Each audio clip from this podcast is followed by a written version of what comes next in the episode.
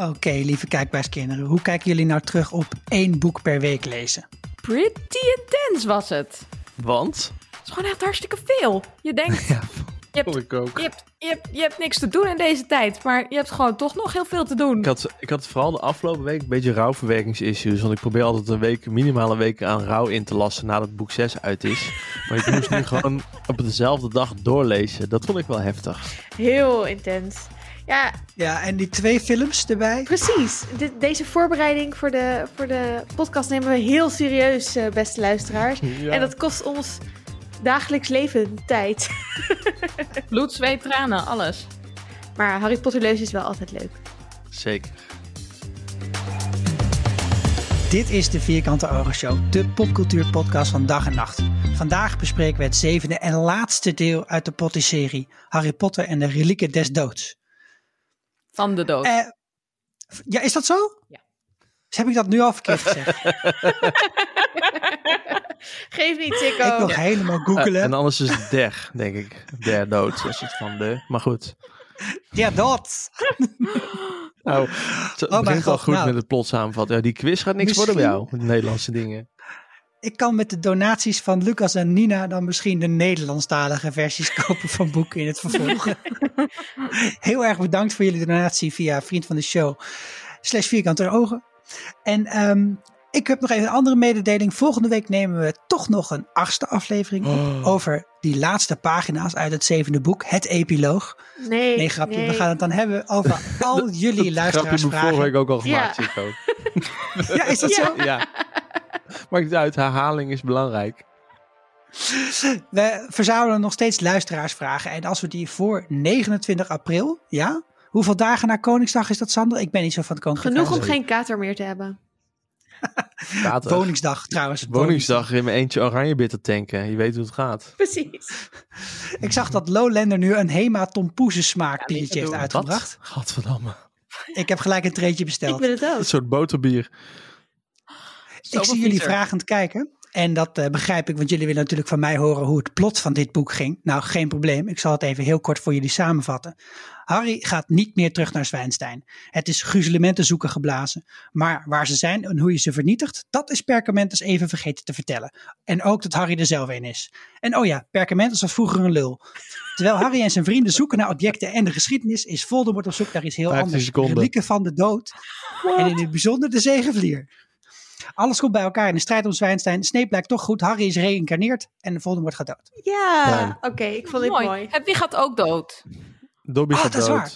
Ja, en Fred gaat dood. Ja, En Fred, da- Oké. Daar is er nog geen van. Die zou iedereen gaat dood. Einde. You did not just say that.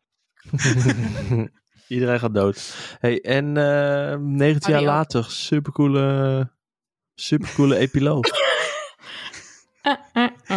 Toch weer vergeten te vertellen. Ja, ben benieuwd hoeveel tijd we daaraan gaan besteden. Hoeveel jaar later is het eigenlijk dat dit boek uitkwam, jongens? Het is 2007, Eh, toch? ja, Het is bijna 14 jaar. dat Ja. was- ja. In mijn Ik bestuursjaar. zet, altijd, eh, ik zet altijd in mijn boeken wanneer ik ze heb gekocht en gekregen. En deze natuurlijk op de dag dat die uitkwam, 21 juni 2007. En ja, toen heb ik in zo'n rij gestaan met allemaal mensen die, en Schrijf ook jij mensen die boeken? verkleed waren als, eh, ja, als heks. Maar het allernerdigste nog was van het hele verhaal is dat ik het toen met mijn toenmalige vriendin, nu vrouw, samen kocht. En dat we een wedstrijd hielden wie het snelst kon lezen. En dat zij dus gewoon achter op de fiets begon. En dat vond ik echt zo gemeen van haar. Wauw. wel best wel chill. Ja. Respect hiervoor. En Maar jij bent dat dus- blijven doen. Even Sikko, jij bent gewoon tussen boek 6 en 7 van vriendin gewisseld. Even voor Ja. de tijdlijn. Eventjes eh, even verfrissing in de tent. een jaar later. En hoe was dat bij jullie jongens? Nou ja, zoals jullie weten was ik op wintersport toen ik boek 6 uitlas in de bus. En ik heb toen in de bus heb ik dus, eh, in, omdat ik, kijk, bij het herlezen las ik rauw in. Maar toen, toen het boek natuurlijk net uit was, dacht ik, ja hallo, ik ga het nu gewoon als motherfucker lezen. Dus ik heb toen bijna heel de nacht, in plaats van zuipen in de bus, heb ik eh, Harry Potter gelezen in de bus. En de volgende ook, dus ik had het binnen 24 uur uit. Lekker Wow. bezig. Ja, het was best wel heftig. Want we zaten daar ook in de Yeti-bar omdat we de piste nog niet af mochten. Hoe heet die bar? Ja, De Yeti-bar. Dus dat. En ik heb ook een eerste herinnering aan de film. Alweer. Want ik ben toen naar de, eh, van de grootste bioscoopketen hier in de, in de hoofdstad, ben ik naar de marathon gegaan. Dus ik heb toen eerst alle andere films gekeken in, en daarna Oh, a- fuck. a- aansluitend Harry Potter 7.2. Wat heerlijk. Met, Wauw. met, twee, met twee grote filmzalen met allemaal verklede mensen. Wat tof. Oh. Was je ook verkleed? Nee, nee ik, had, me- ik had wel een onesie aan omdat ik lekker kon slapen dan straks. Want ik ben wel, Sander ik, was ik, ik ben wel beredeneerd gaan slapen bij drie en vier. omdat ik dacht, anders mis ik straks wel 7.2. Fair enough. Denk ik een goede strategie. Ja. En wat ik ook nog weet is dat voordat het boek uitkwam, dat in volgens mij ook weer de Volkskrant de eerste twee pagina's afgedrukt waren.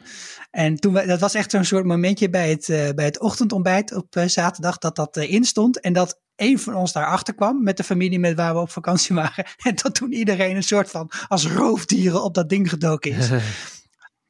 Dat was wel leuk. een heel magisch moment. Ik weet nog dat ik deze kocht in het Engels en dat ik hem ook binnen 24 uur uitlas. En gewoon meteen aan de tweede zit begon. En dat ik gewoon meteen opnieuw ging lezen. En ik weet ook nog Van dat toen de. Nederlandse. Ja, precies. Dat toen de Nederlandse versie uitkwam, dat ik met mijn beste vriendin. was denk ik op een vrijdag. dat we een slaapfeestje hebben gehouden. Dat we hem dus in, op middernacht zijn we hem gaan kopen.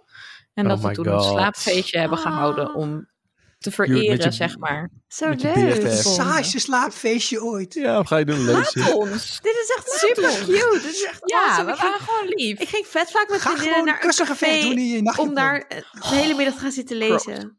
Of gamen. Niet- Maar dat soort dingen. Nee, dat deed ik dus nooit. Jongens. Ik weet niet meer waar ik was toen ik het, of waar ik het laatste boek heb gekocht. Ik weet wel nog dat ik de laatste film in Parijs heb gezien, omdat ik toen op vakantie was. Nou, zo leuk. Ja, dat was wel cool. Chic, Ja, in het Engels zonder ondertiteling. Voldemort. Ja, precies. We was wel lang zoeken naar een, een bioscoop waar ze hem in het Engels draaiden, eh, zonder na-synchronisatie. Bellatrix Lestrange.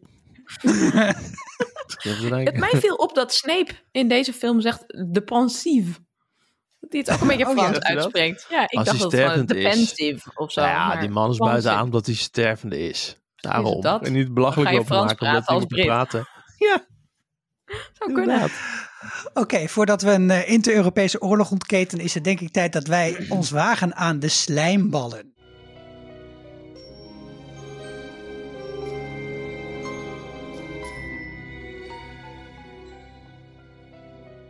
Mag ik met jou beginnen, Annaluna? Ja, ik heb er een heleboel. Ik vind het altijd zo'n bijzonder boek om te lezen. Er gebeurt zo tering veel, maar dan, ja, alles komt toch echt samen aan het einde. Maar dit is ook een boek, het is gewoon een emotionele rollercoaster. Want echt zoveel mensen en zoveel dieren en wezens gaan dood. En nu heb ik dit keer bedacht dat er zeven doden vallen onder de supporters van Harry. Met naam en toenaam. Hedwig, Dwaloog, Dobby, Fred, Lupos, Tops en Casper Krauwel. En dan denken jullie misschien, ja, maar je mist er één, want je mist Severus Snape. En toen dacht ik, ja, dat is een goed punt. Maar we hebben uiteindelijk ook niet zeven Horcruxes, we hebben acht Horcruxes. Boom, mic drop. Dat was het voor Annaluna vanavond. Ja, ik ben klaar. Ze heeft de microfoon op de grond geplaatst. Oké, oké, oké. Impressed. Kun jij eroverheen? Kan ik er overheen? Nou, eh, ik erken dat ik dit altijd een rollercoaster vind om te lezen. Ik moet ook zeggen dat ik hem... ik heb vaak een beetje moeite met het boek. Dus ik, ik herluister de luisterboeken. Hè? Elke in een continuous loop voordat ik in slaap val. En ik vind het altijd weer een beetje jammer als ik bij dit boek ben. Want ik vind het zo lekker om de, de Zwijnstein-verhalen te horen. En dat zit hier niet in. Mhm. En er zitten ook gewoon best wel veel delen in die. Dus dingen die ik heel leuk vind. Bij de wezels. ehm, ehm, ook delen van het kamperen. Wemels. Wemels. Sorry, wezels. Weasley's, Ja, als je naar de wemel. dieren- Ik heb eerder deze fout, gemaakt. Hè? Ja, het is ook Ik vind een beetje, wezel. ja, al die patronen van die wemels zijn ook wezels. Ja, dus- nee. Het, het- en ik plus namen is een ramp. Ehm, eh, eh, ja, maar goed. Er zijn ook delen die ik, die ik heel moeilijk vind. Zoals dat deel dat Ron dan super chagrijnig is de hele tijd. En dan irriteer ik me echt heel erg aan. Dan wil ik gewoon doorlezen. En denk ik, hou gewoon je knar en doe niet zo irritant. Ehm, dus uh, uh, dat is mijn, mijn eerste slijm was eigenlijk meer mijn, mijn mening over het boek. De rest bewaar ik nog even. Oh, ja. Houd de kaarten dicht tegen de borst. Ja. Building up. Ik vind het zo'n heel, het is zo'n compact boek. Het is zeg maar, het is zeg maar, als je even tien bladzijden verder bladert, wat je soms doet als je noodgedwongen snel moet lezen, dan denk je, wow, zijn we nu al hier? Ja. Het gaat echt, het is echt, ik vind, ja, jij zegt emotionele rollercoaster, maar sowieso, het is, gaat gewoon echt bam, bam, bam, bam, bam, zo snel allemaal. Heel veel actie. En dat, heel veel actie in de taxi en ook gewoon heel veel leuke, coole details. Ja. Waar we straks vast nog uitgebreid op ingaan. Uh, is, ik vind het vooral gewoon, ik vind het echt zo'n, ja, zo'n lekker compact boek. Het leest ook gewoon, dit is zeg maar, um, ja, ja, Sikko zegt altijd, uh, als, dit, als je nu doorleest, dan moet je niet meer gaan slapen, moet je hem uitlezen. Dat is bijna als je dit boek al begint. Omdat je gewoon, ja. Je, je, je, ja, er is niet een natuurlijk moment om hem even weg te leggen bijna. Nee. Ik heb gelijk die haak zo in je navel, die wordt meegesleurd. Laatst zat ik te lezen, want ik zat s'avonds lesgeven, had ik onder het eten zitten lezen. En toen uh, moest ik les gaan geven.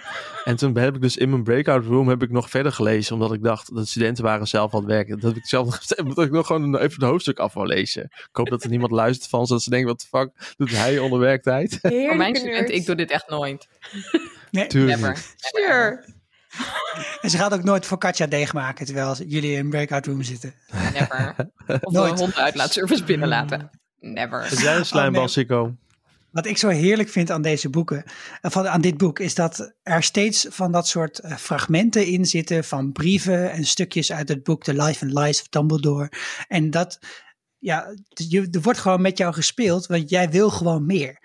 Jij wil nog meer van dat soort. En dan, en dan houdt de brief van Lily aan uh, Lupin, die houdt op. En zegt, oh, ik wil nog meer. Ik, ik, wil dat boek, dat is ook in de film zit, zie je dat hele dikke boek. Hè? Die softcover ja. buitenkant, echt ja. pagina's vol met informatie over Perkamentus en Grindelwald. Ik wil ik dat wil boek. het ook. Ik snap wil ook, het ook niet waarom dat boek nooit is uitgegeven. En wel dat niet. stomme Piedel de boek. Ja, belachelijk. Belachelijk, schrijf een brief. Een boze brief. Moet ik wel eens zal ik een History of Magic schrijven, waarin ik onze westerse geschiedenis herschrijf aan de hand van wat we weten van de toverwereld. En Sorry, Dat is super maar vet. dit is echt awesome. Uh, Oké, uitgevers die Mijn luisteren. UvA-adres staat op de website van de UvA waar ik college geef.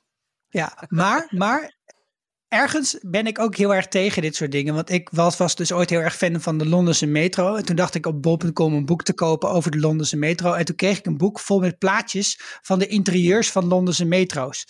En toen had ik echt iets. Je mag het niet de History of Magic noemen en het dan niet van Matilda Backshot is. Dat is gewoon je- heel gemeen. Dan moet je het wel even doorbladeren via een bol. Ja. Nee, het kan Dat wel kan. goed zijn. Weet je, de, eh, je hebt ook dat eh, boek van de History of Westeros.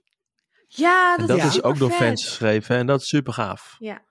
Dat Wacht even, ik voel een project aankomen. Oh Ja. my god. En we gaan podcasts, podcasten tijdens het schrijven. Hoe cool is dat? Esther. Nee, Annaluna mag... eh, Oké, mijn... Aluna eh, had net een mic gedropt, toch? Oh ja, die hoeft niet meer. Dat was het. Oké, ik wil op, toch dit op. moment nemen. Eh, ik pak hem weer op en ik pak hem op om een shout-out te doen naar drie awesome heksen. Want dit is toch ook wel echt het boek van professor Anderling, professor Strongs en Molly Wemel. Mm. Ik vind het zo genieten, sowieso het moment die oorlog op dat kasteel en dat dan Anderling zegt, weet je wat, we gaan het verdedigen. En dat Harry een beetje is van, oh, kunnen jullie dat? En dat ze echt is wij teachers zijn echt pretty good at magic. Echt een Love locomotor. en dat, dan, dat ze dan een blik van verstandhouding uitwisselt met Strongs. En dat zij gewoon vet capabel zijn. En vet awesome. En elkaar helemaal begrijpen. Zo chill. En dat we dan daarna ook nog Molly Weasley krijgen. Die gewoon fucking goed blijkt te kunnen duelleren. Dat is Wauw. awesome. Eh, Love it. ik ga op Vriend van de Show een filmpje plaatsen of in de show notes van de allerleukste Harry Potter TikToker. Zij kan echt dat een ze- mega goede McGonagall doen. En er zijn allemaal video's waarin ze een soort van shamed dat Harry Potter te weinig credits geeft aan hoe awesome McGonagall is. Bijvoorbeeld niet een van zijn kinderen naar haar noemt. Wow, goed punt. Ik vind ook haar filmpjes heel leuk als ze vanuit anderling perkamentus afzeikt. Zo van, Ja. fucking onverantwoordelijk wat je doet. Zo leuk. Maar misschien heet zijn nieuwe uil wel Minerva. Dus dat weten we niet. Dat zou voor heel een cool elf. zijn. Oh. Eh, mijn Oh, slijmbal leuk. is, een, eh, is, is iets wat ik ehm, eh, nog op aanvulling van de vorige aflevering wil zeggen. Toen hebben we namelijk even gehad over... hmm, Ginny en Harry, hebben ze nou seks? Ja of nee? En ik zei nee, volgens mij niet. Oh ja. En daar hadden we verschil van mening over. Ehm, maar als hij bij de Wemels is en hij is jarig, dan trekt Ginny hem haar kamer in en begint hem heel hard te zoenen of zo. En dan, dat is Keihard. een eh, gepassioneerdere kus. Ik, ik, de terminologie heb ik niet helemaal voor me, maar dan, Ze dan kussen ze hem zoals ooit... hij nog nooit gekust had. Precies. Ja. En Dus als dit zeg maar maar- het nou. heftigste is wat je allebei gedaan hebt, hè, een heel gepassioneerd zoenen, dan heb je waarschijnlijk nog geen seks gehad. Maar misschien hebben ze echt vanilla seks. En ik heb ander bewijs gevonden. Ja, lees voor, Op het moment, ik ga dit voorlezen. Op het moment dat Harry zich klaarmaakt om te sterven. Eigenlijk op het moment dat hij naar Voldemort toe loopt. Hè, in het bos. In het verboden bos. Harry keek in de rode ogen. En wilde dat het nu zou komen. Snel. Nu, nog hij, nu hij nog kon staan. Voor hij zichzelf niet meer in bedwang had. Voor hij angst toonde. Oh, kut, ik lees het verkeerde voor. Goed. ik vond dit ook. Dit is ook een soort van uitgesteld orgasme. Ja. Oké. Harry Vooral de rode ogen. voelde. Beatrix hijgde. Het is ook een seksscène. En Harry moest onverklaarbaar genoeg aan Ginny denken. Aan haar vurige blik en haar lippen op zijn... Voldemort had zijn toverstok opgeheven. Op zijn wat! Op zijn wat! Oké, oké, oké. Op zijn tatoeage, denk ik. Ik denk op zijn toverstaf. Ja, ja. Poeh, nou, ik moet even afkoelen. Is, zijn er erotic Toch blij dat ik die microfoon weer opgepakt heb. Ik denk dat er ook wel een gat in de markt is voor podcast dat we gewoon het boek gaan voorlezen. Ja, dat denk ik ook. En erop reageren. Ja, als iemand ons wil sponsoren Cool. daarvoor, heel graag. Ja. Ah. Vanuit Weesp nog toevoegingen. Zeker. Ik vraag me af, hoe werkt de Patronus voice chat? Want we hebben het, we hebben het laatst al gehad over eh patronussen en hoe het allemaal werkt. En over de mentors en de ellende. Letterlijk. Maar, maar ik vraag me gewoon even kort af. Want we moeten natuurlijk niet een jeugdpuis van maken dat we heel veel te lang over gaan hebben. We gaan, een blijft een slijmbal. Ik vroeg me gewoon af, ze- eh, eh, hoe gaat dat? Die, eh, eh, Arthur Wemel stuurt een bericht, familie is veilig, blijf waar je bent of zo. Of probeer niet in contact te komen. Weet hij dan waar ze zijn? Stuurt hij er 500 uit naar allerlei mogelijke adressen? Of wat denken jullie? Ja, ik denk dat het wel een gevalletje is van eh, spreuk op spreuk. Dat je eerst een patronus maakt en dat je die patronus dingen laat doen. Dat heb je ook met dat... eh, hè? Ik zit nog even Met- bij met- het vorige puntje nu hoor. Dat ja, ja. Ik weet ook niet wat je nog meer allemaal kan doen met nee. me ook Het zou heel goed kunnen, Sander. Je weet het niet. Maar kijk, Snape die laat de natuurlijk ook doen, dat, dat hert zo een beetje rondlopen en eh, een beetje dingeldangen. En ja, de, de andere patronen. Ik denk dat de patroon, als hij ge- opgeroepen wordt, gewoon denkt: waar is de dementor? Waar is de dementor? Als een soort eh, heigerige puppy. En dan zeg je: nee, nee, nee, je moet apporteren. En eh, ja, ik denk dat Wemel wel weet dat zijn familie, of dat ik weet dat, denk dat Kingsley bijvoorbeeld wel weet waar de familie Wemel is en waar de rest van de orde is. Maar hoe Wemel, dat weet, weet ik eigenlijk niet. Denken jullie dat ze dat pas heel later bijbedacht heeft? Want ze, in het begin zit die brulbrieven erin. En dan in, één keer, als dat eigenlijk niet meer kan, eh, namelijk aan het einde, komen die pratende patronussen. Het zou kunnen. Ik vind het best wel lijken op de demons in, de, in His Dark Materials. Daar moet ik steeds aan denken in die serie, dus Ja. ook van de Golden Compass. En ik had eigenlijk bedacht daarbij dat het, als je heel goed bent in je patronus eh, ehm, vormen, of dat je dat heel goed kan, dat je hem ook wat meer van jezelf kan meegeven. Dus dat je hem, terwijl je Ja. hem oproept, al een soort van je stem geeft, of jouw idee over waar het heen moet, of zo.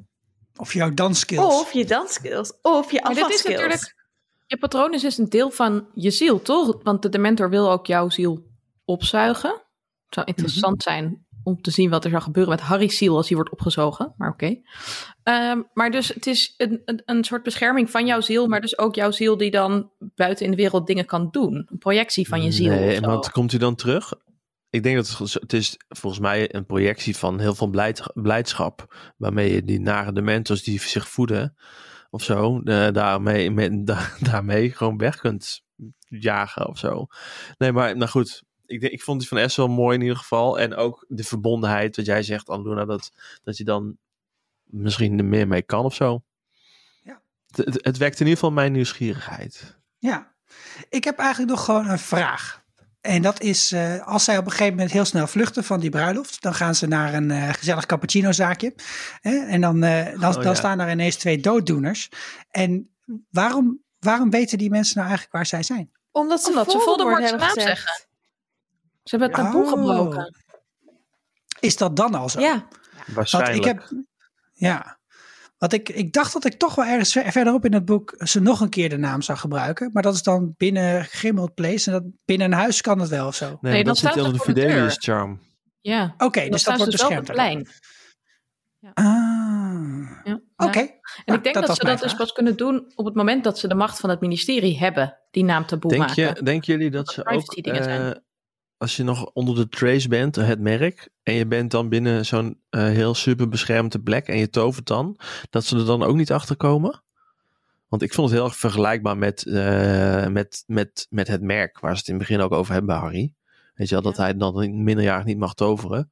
Maar denk je dat dat een beetje hetzelfde werkt of zo? Ik weet het, Weet ik ik vind sowieso dat merk is raar, omdat je in boek 7 komen natuurlijk eh Dwaloog en zo naar het huis van Harry. Maar daar komen ze op Ja. een magische manier. Een eh, magische wijze, een wijze die met magisch te maken heeft. Maar in boek 5 komen ze natuurlijk ook op bezoek. En daar toveren ze ook gewoon op zijn adres. Dan zitten ze gewoon lekker met je Alomora, Lumos, bla bla bla. ja. Dus het is toch eigenlijk achteraf een beetje gek. ja, dat blijft gek. Eens. Maar Lumos mag gewoon, dus... ehm, Nee, nee. Sinds film 3 mag dat gewoon. Ja. Ik snap niet waar je zo boos is over het, wordt. president, tijd. is het president geschapen? Ja, presidentwerking. Zo werkt het. President? Wat ik dus heel leuk vind, is het moment dat ze dan weer op zijn zijn komen. En dat het hele kasteel mee gaan vechten in die oorlog. Gewoon allemaal. Die, die, die harnassen, eh, de koplopers, het jachtgezelschap, de koplopers komt langs denderen. Ehm, de huiselfen, die onder leiding van Knijster in eigenlijk die tweede gevechtsronde de keuken uitkomen met hakbijlen en, en, en keukenmessen. Al die enkels van de dooddoeners gaan bewerken. Ik vind dat zo ontzettend vet dat het hele kasteel mee gaat vechten. Maar dus ook De Centauriërs. de centauriërs. Specifiek super ontroerend dat dan die huiselfen onder leiding van Knijster gaan vechten. Want ik vind altijd het verhaal van Knijster altijd zo intens zielig. Ik moet altijd Ja. zo Ja, hard maar mag ik wel even nu hier een plothole eh, benoemen? Oh nee, ik ben nog niet aan de beurt. Doe maar gewoon. Nee, dan, s- dan ruil ik met Esther mijn plekje ja, voor mijn slijmbal. Ja, we- weet je wat ik me gewoon afvraag? Is waar, hoe komt Knijster dan op Zwijnstein? Want hij wordt natuurlijk, on- eh, dat eh, Grimboudplein, dat wordt onthuld aan jegers, volgens mij.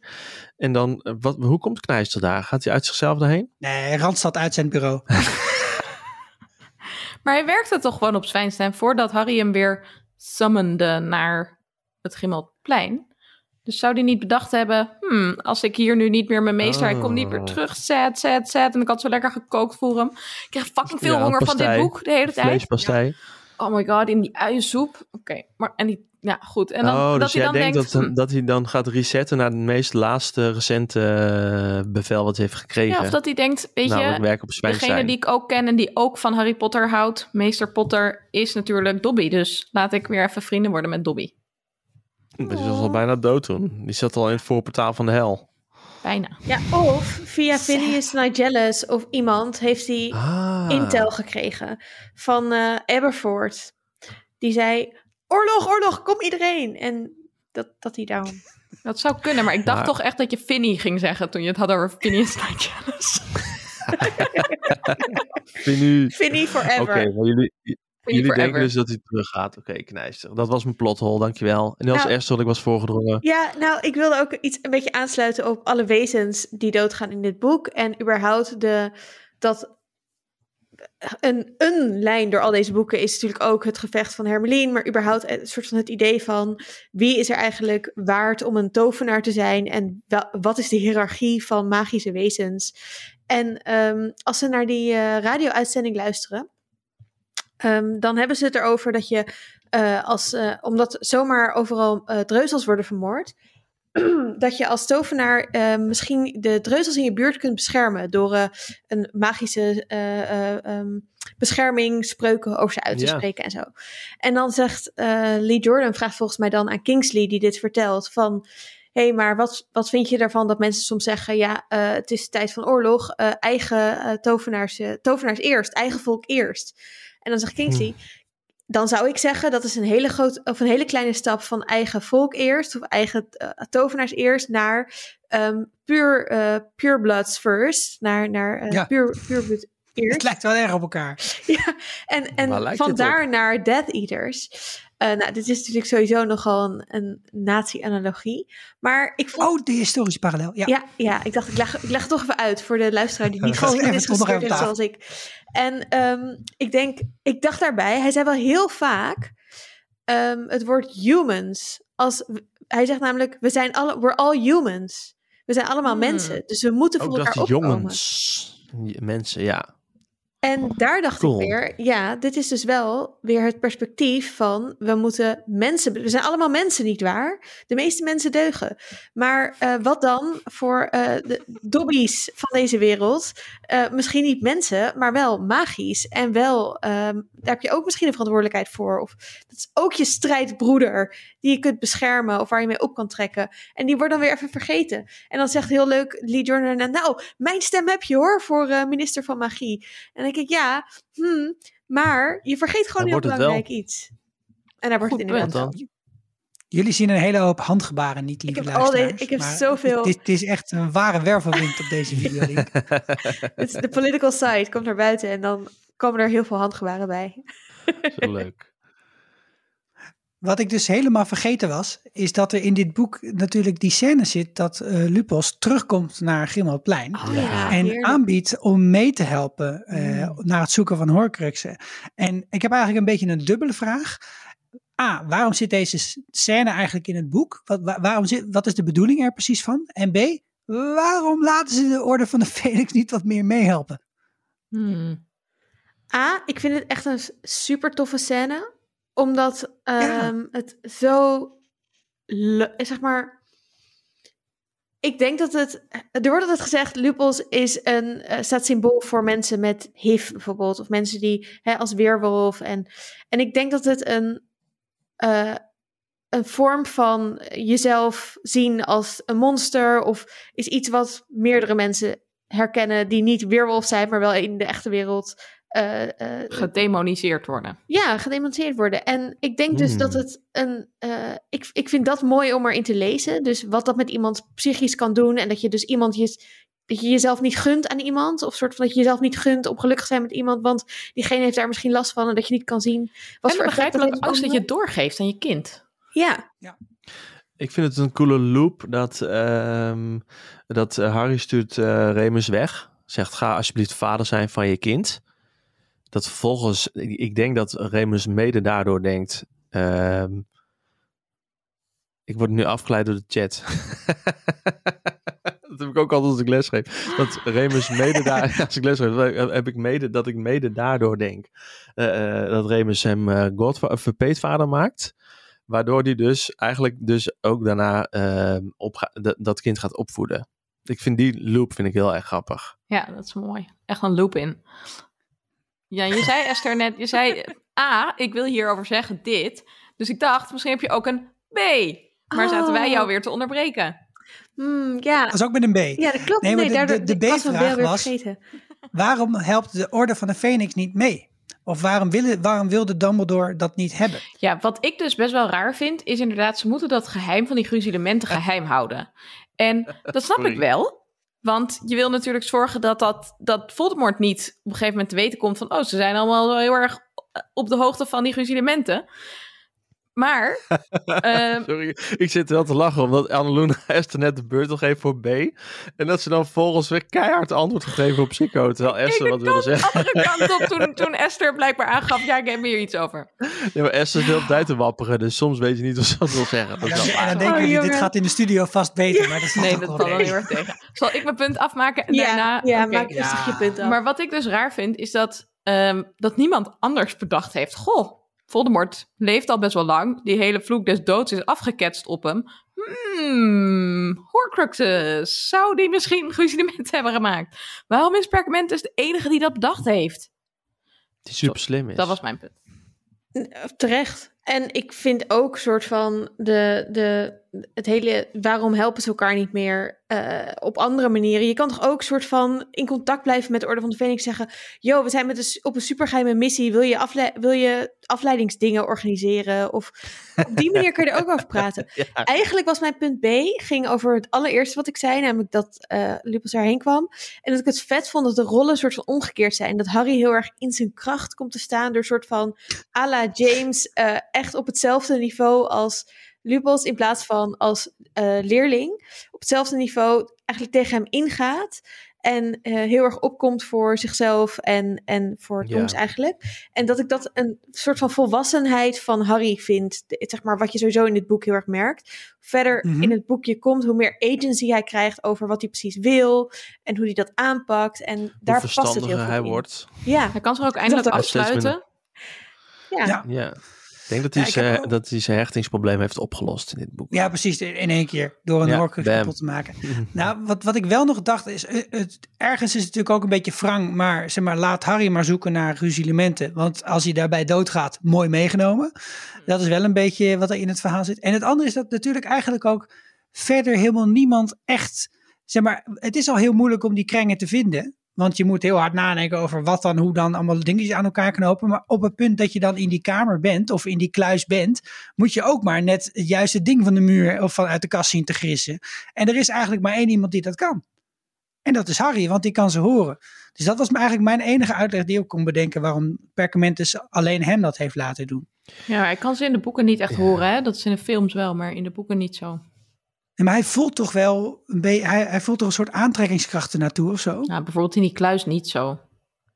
Nou ja, maar als hij aangevallen wordt door Nagini, dan, dan zegt hij ook van dat hij, dat hij dan ineens dat, uh, dat Locket heel erg op zich branden voelt en dat hij uh, allerlei gevoelens heeft. Ja, dat benoemt hij wel. Ja, maar volgens mij is dat gewoon het Locket niet, zelf. Ja. Oké, okay, ja. Die in de buurt komt van een, een mededeel. maar misschien zit ook wel okay. het deel in Harry wat connect met, ja, het zou kunnen. Dat sterker resoneert, ja.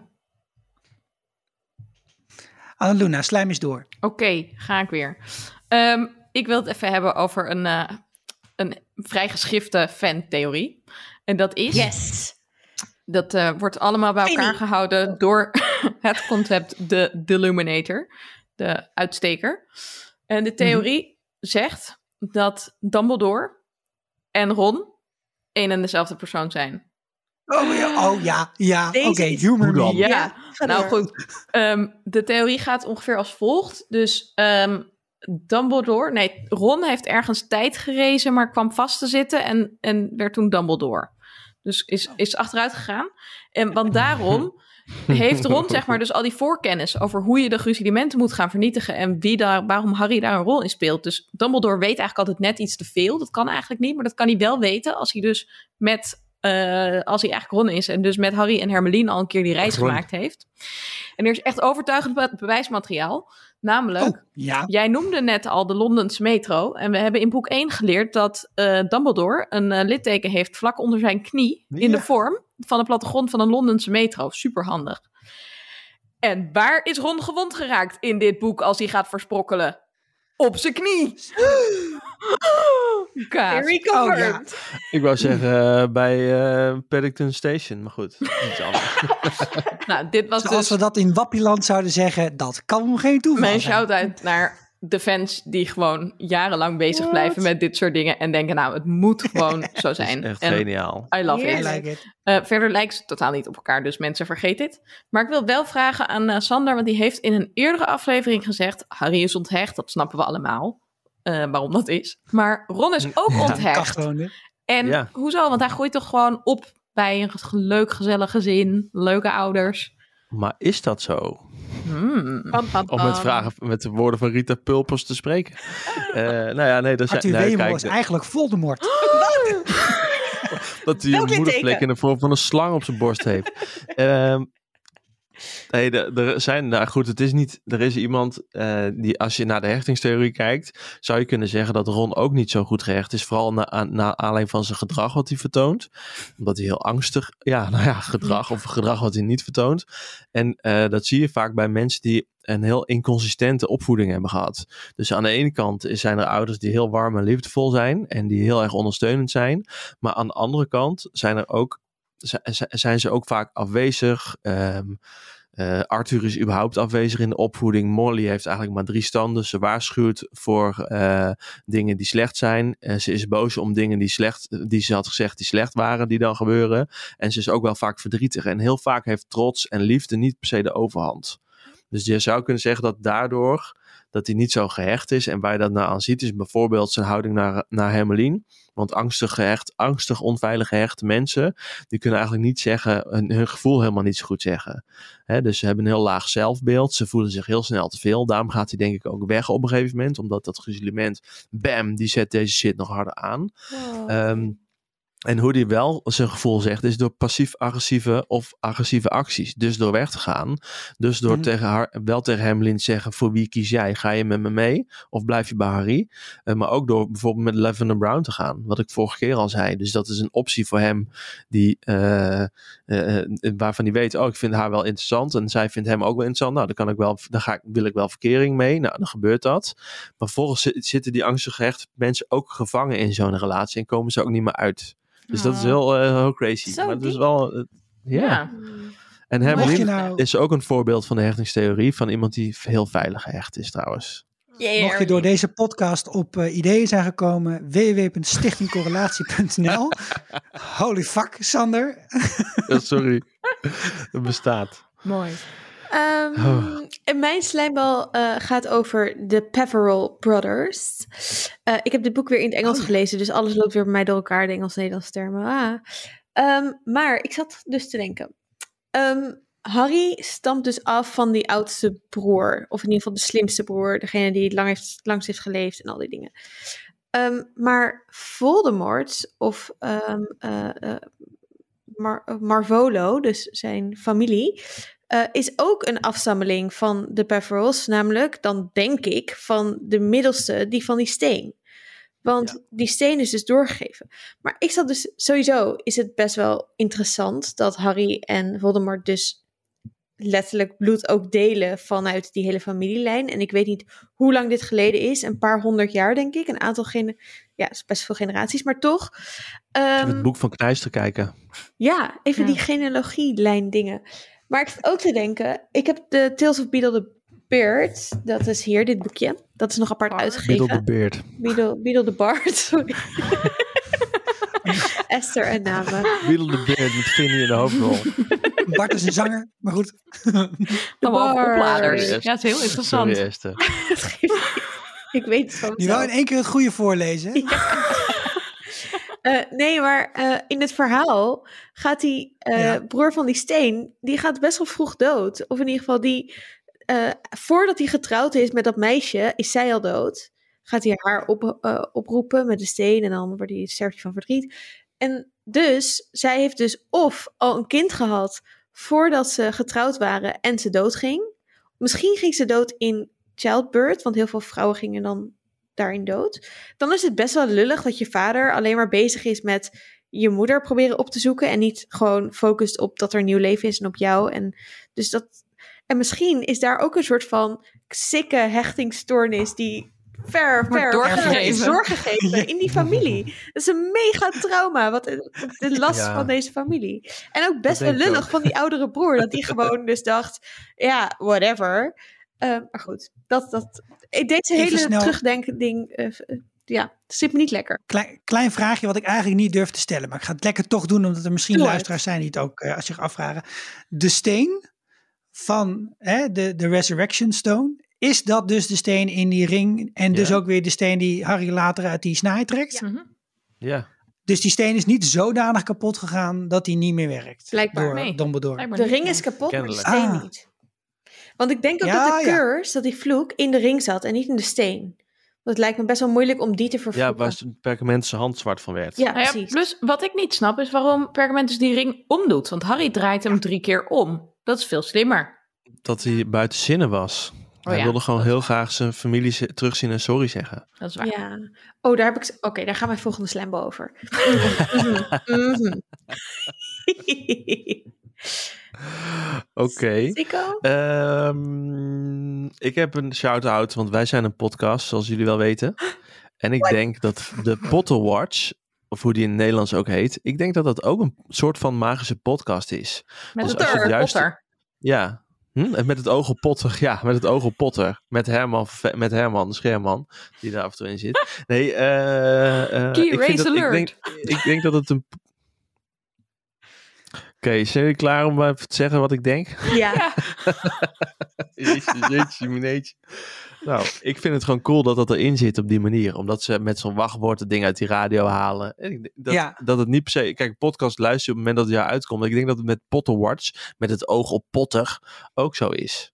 Ik zou met het oor op Potter beter gevonden hebben, denk ik. Omdat je Klopt. luistert. Goed. Eens. Dat, dat, mijn, dat was mijn ding over Potter Watch. Punt.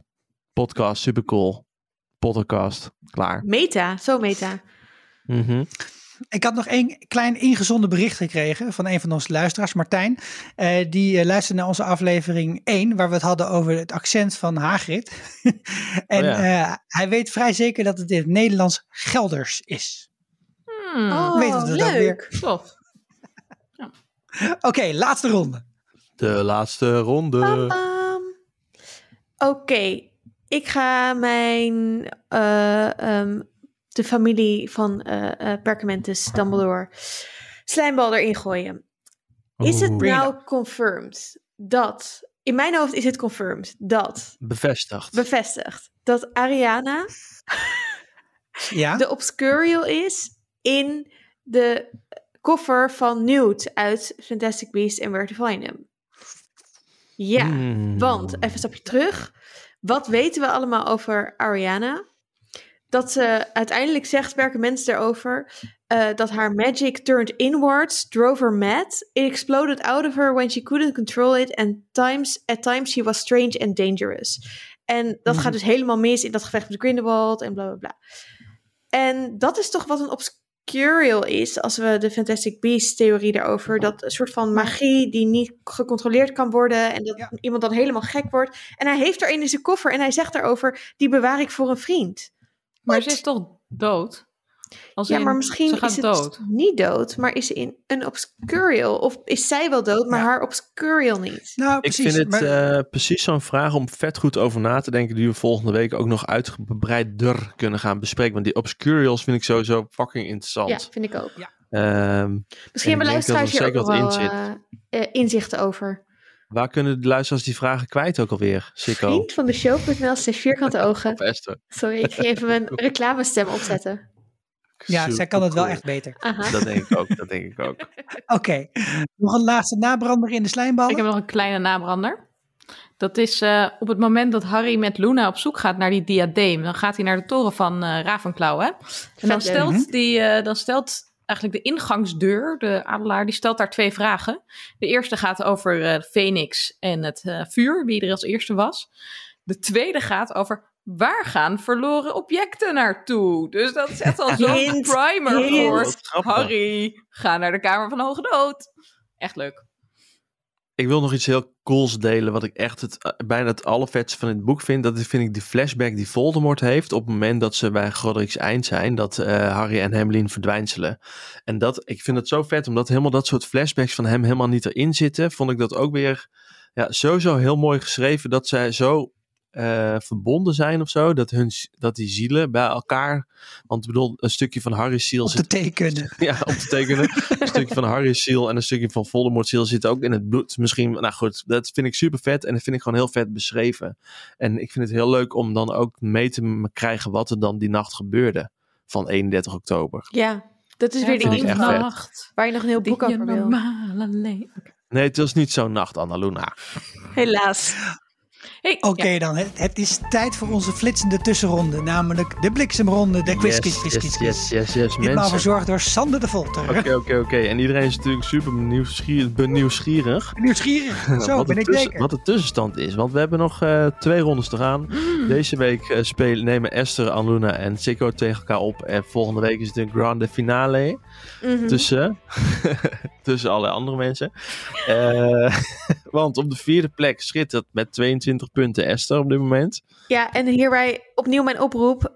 De aller, aller, allermoeilijkste Harry Potter vragen die je hebt, stuur ze naar mij. Vind Ah, naartoe kunnen ze dat doen, Instagram. Ja, het, het makkelijkste op Twitter, Esther, maar dan met een E E-Z-S-T-H-E-R. Of op Instagram, hetzelfde handle. in de show notes. Mhm. Oké, Esther heeft 22 punten. Dan volgt Sikko met 125 punten. Dan volgt Annelune met 145 punten. En tot slot ondergetekende met 185 punten. Dus vandaag vijf vragen waar maar één punt mee te verdienen is per vraag. nee, ik vind het zelf wel grappig. Ik heb vijf vragen en ik ga iedere keer de punten erbij geven. Voor vijf punten. Hoe heet het vuur waar Tiara mee is vernietigd? Duivelsvuur. Yes, dat klopt. Vijf punten. Oh, oh. Voor, tien, voor tien punten. Eh, welk tentenbedrijf hebben Bill en Fleur ingehuurd om hun tent op hun bruiloft te bouwen? Zo, hallo. Oeh. Is dit voor 10 punten? Zekertjes. Godse kleren. Nee, Krijgen we het een gaat niet minpunt over als we het fout hebben? Ja, nee, nee, nee. De waard? Nee. dit is wel de condor dan, denk ik. Oké, zal ik het zeggen? Ja. Ja. Oké, oké. Van Dago's Fantasmagorische feesttenten. Oké, ik had hier rekening mee gehouden dat het misschien te moeilijk was. Dus in welk dorpje heeft, het familie, eh, heeft de familie Perkaments gewoond voor ze naar Godric's Eind verhuisden? Voor 10 punten. Ah, Jezus. Hebben jullie het boek gelezen, jongens? ja, Oké, geen 10 punten. Jammer. Het is, het is Stay aan de Wee. Jeetje. Dat is wel een hele leuke naam. Oké, dan, eh, ja, dan eh, voor 24 punten.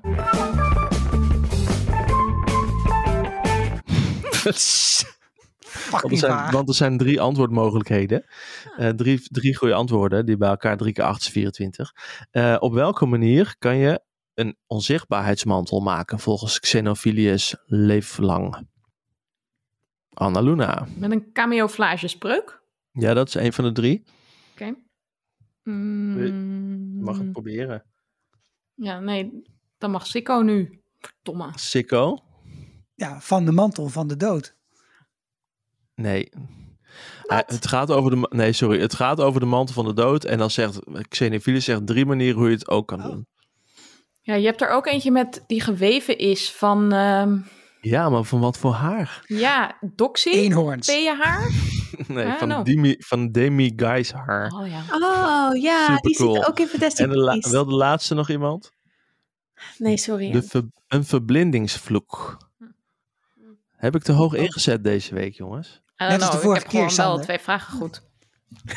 25, ja, vijf- 25, 25 punten. De volgende is voor 25 punten. Tijdens de expeditie naar het ministerie nemen Harry, Ron en Hermeline wisseldrank. Harry verandert in iemand die zich bij sommigen niet zo populair gemaakt heeft. Wie heeft Albert Rigeur, Annaluna? Dirk Kramer. Ja, maar de vraag is niet af, dus 12,5 punt. Ja, dag. Dit gebeurde vorige week ook met Sanguini. En toen heb jij het ook gewoon gekregen. Ja, maar ik had de vraag niet afgemaakt, want waar werkte die? Ehm, bij magische wezens. Kobolde knooppunt. Wat is je antwoord? Kobolde knooppunt. Oké, My god. 25 punten. Goed, Vooruit kijk, dan. Heel vaak ben ik te laat met mijn hand opsteken, maar deze vragen weet ik gewoon allemaal niet. Ook. Dus ik zeg het Maar erbij Sander voor is de gewoon luisteraar die de handen niet kan zien. Vet geïrriteerd dat ik nu al 40 punten gehaald heb. Nee, want ik heb je 20 punten gegeven bij de laatste, omdat je het allemaal verkeerd zei. de hele tijd. Dat en dat ik je moest helpen. Het is zo'n en dat ik je het dat je Oké, leraar bent. wat, zi- wat zijn de laatste woorden die Perkamentus tegen Harry zegt? Annaluna, Ja, natuurlijk gebeurt dit allemaal in je hoofd. Maar dat betekent nog niet dat het niet waar kan zijn. dat is fout. Het eh, wordt gezegd tijdens het gesprek met het schilderij. Oh ja. En het antwoord is... Oké, wat zijn de. eh, Wat zijn de nee, ik ga de vraag nog een keer voorlezen. Eh, natuurlijk, Harry, dat is voor jou. Totdat jij op, jij beurt, op jouw beurt weer doorgeeft. Hmm. Nou, dat was het. Allemaal punt van Annaluna. Dus staan we gelijk, denk ik, of zo. De finale Jongen, wordt... jongen, ehm, jongen. ik, ik ga een balans vinden tussen dingen die jullie wel kunnen neef weten. Barry, Dragomir Gorgovic van de. Heb jij Ik heb woorden me onthouden dat de, naam, de tweede naam van Ron is Virus. Wat echt een vet rare naam is. Dat is wel Ja, waar. Bilius in het Engels. Ja. Ik had nog fucking alle nice. andere vragen bedacht, maar die, ik vond die te makkelijk. Dacht ik, ja. Dus ik heb echt wel mijn best gedaan. Ik dacht, dit zijn gewoon wel leuke feitjes. Ik vraag me af of luisteraars eens meedoen. Dat ze dan zelf het Ja. antwoord zo bedenken en dan... En of mensen het dan weten.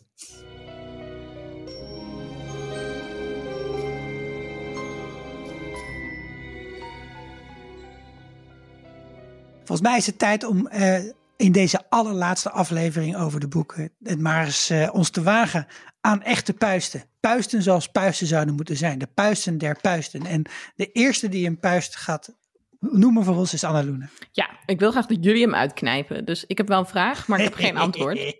Pergamentus zegt natuurlijk steeds dat liefde het meest belangrijke is en dat het alles overwint. Maar Pergamentus houdt ook zijn kaarten nogal dicht op de borst. En Harry krijgt in dit deel ook echt het idee dat hij helemaal niet van hem houdt.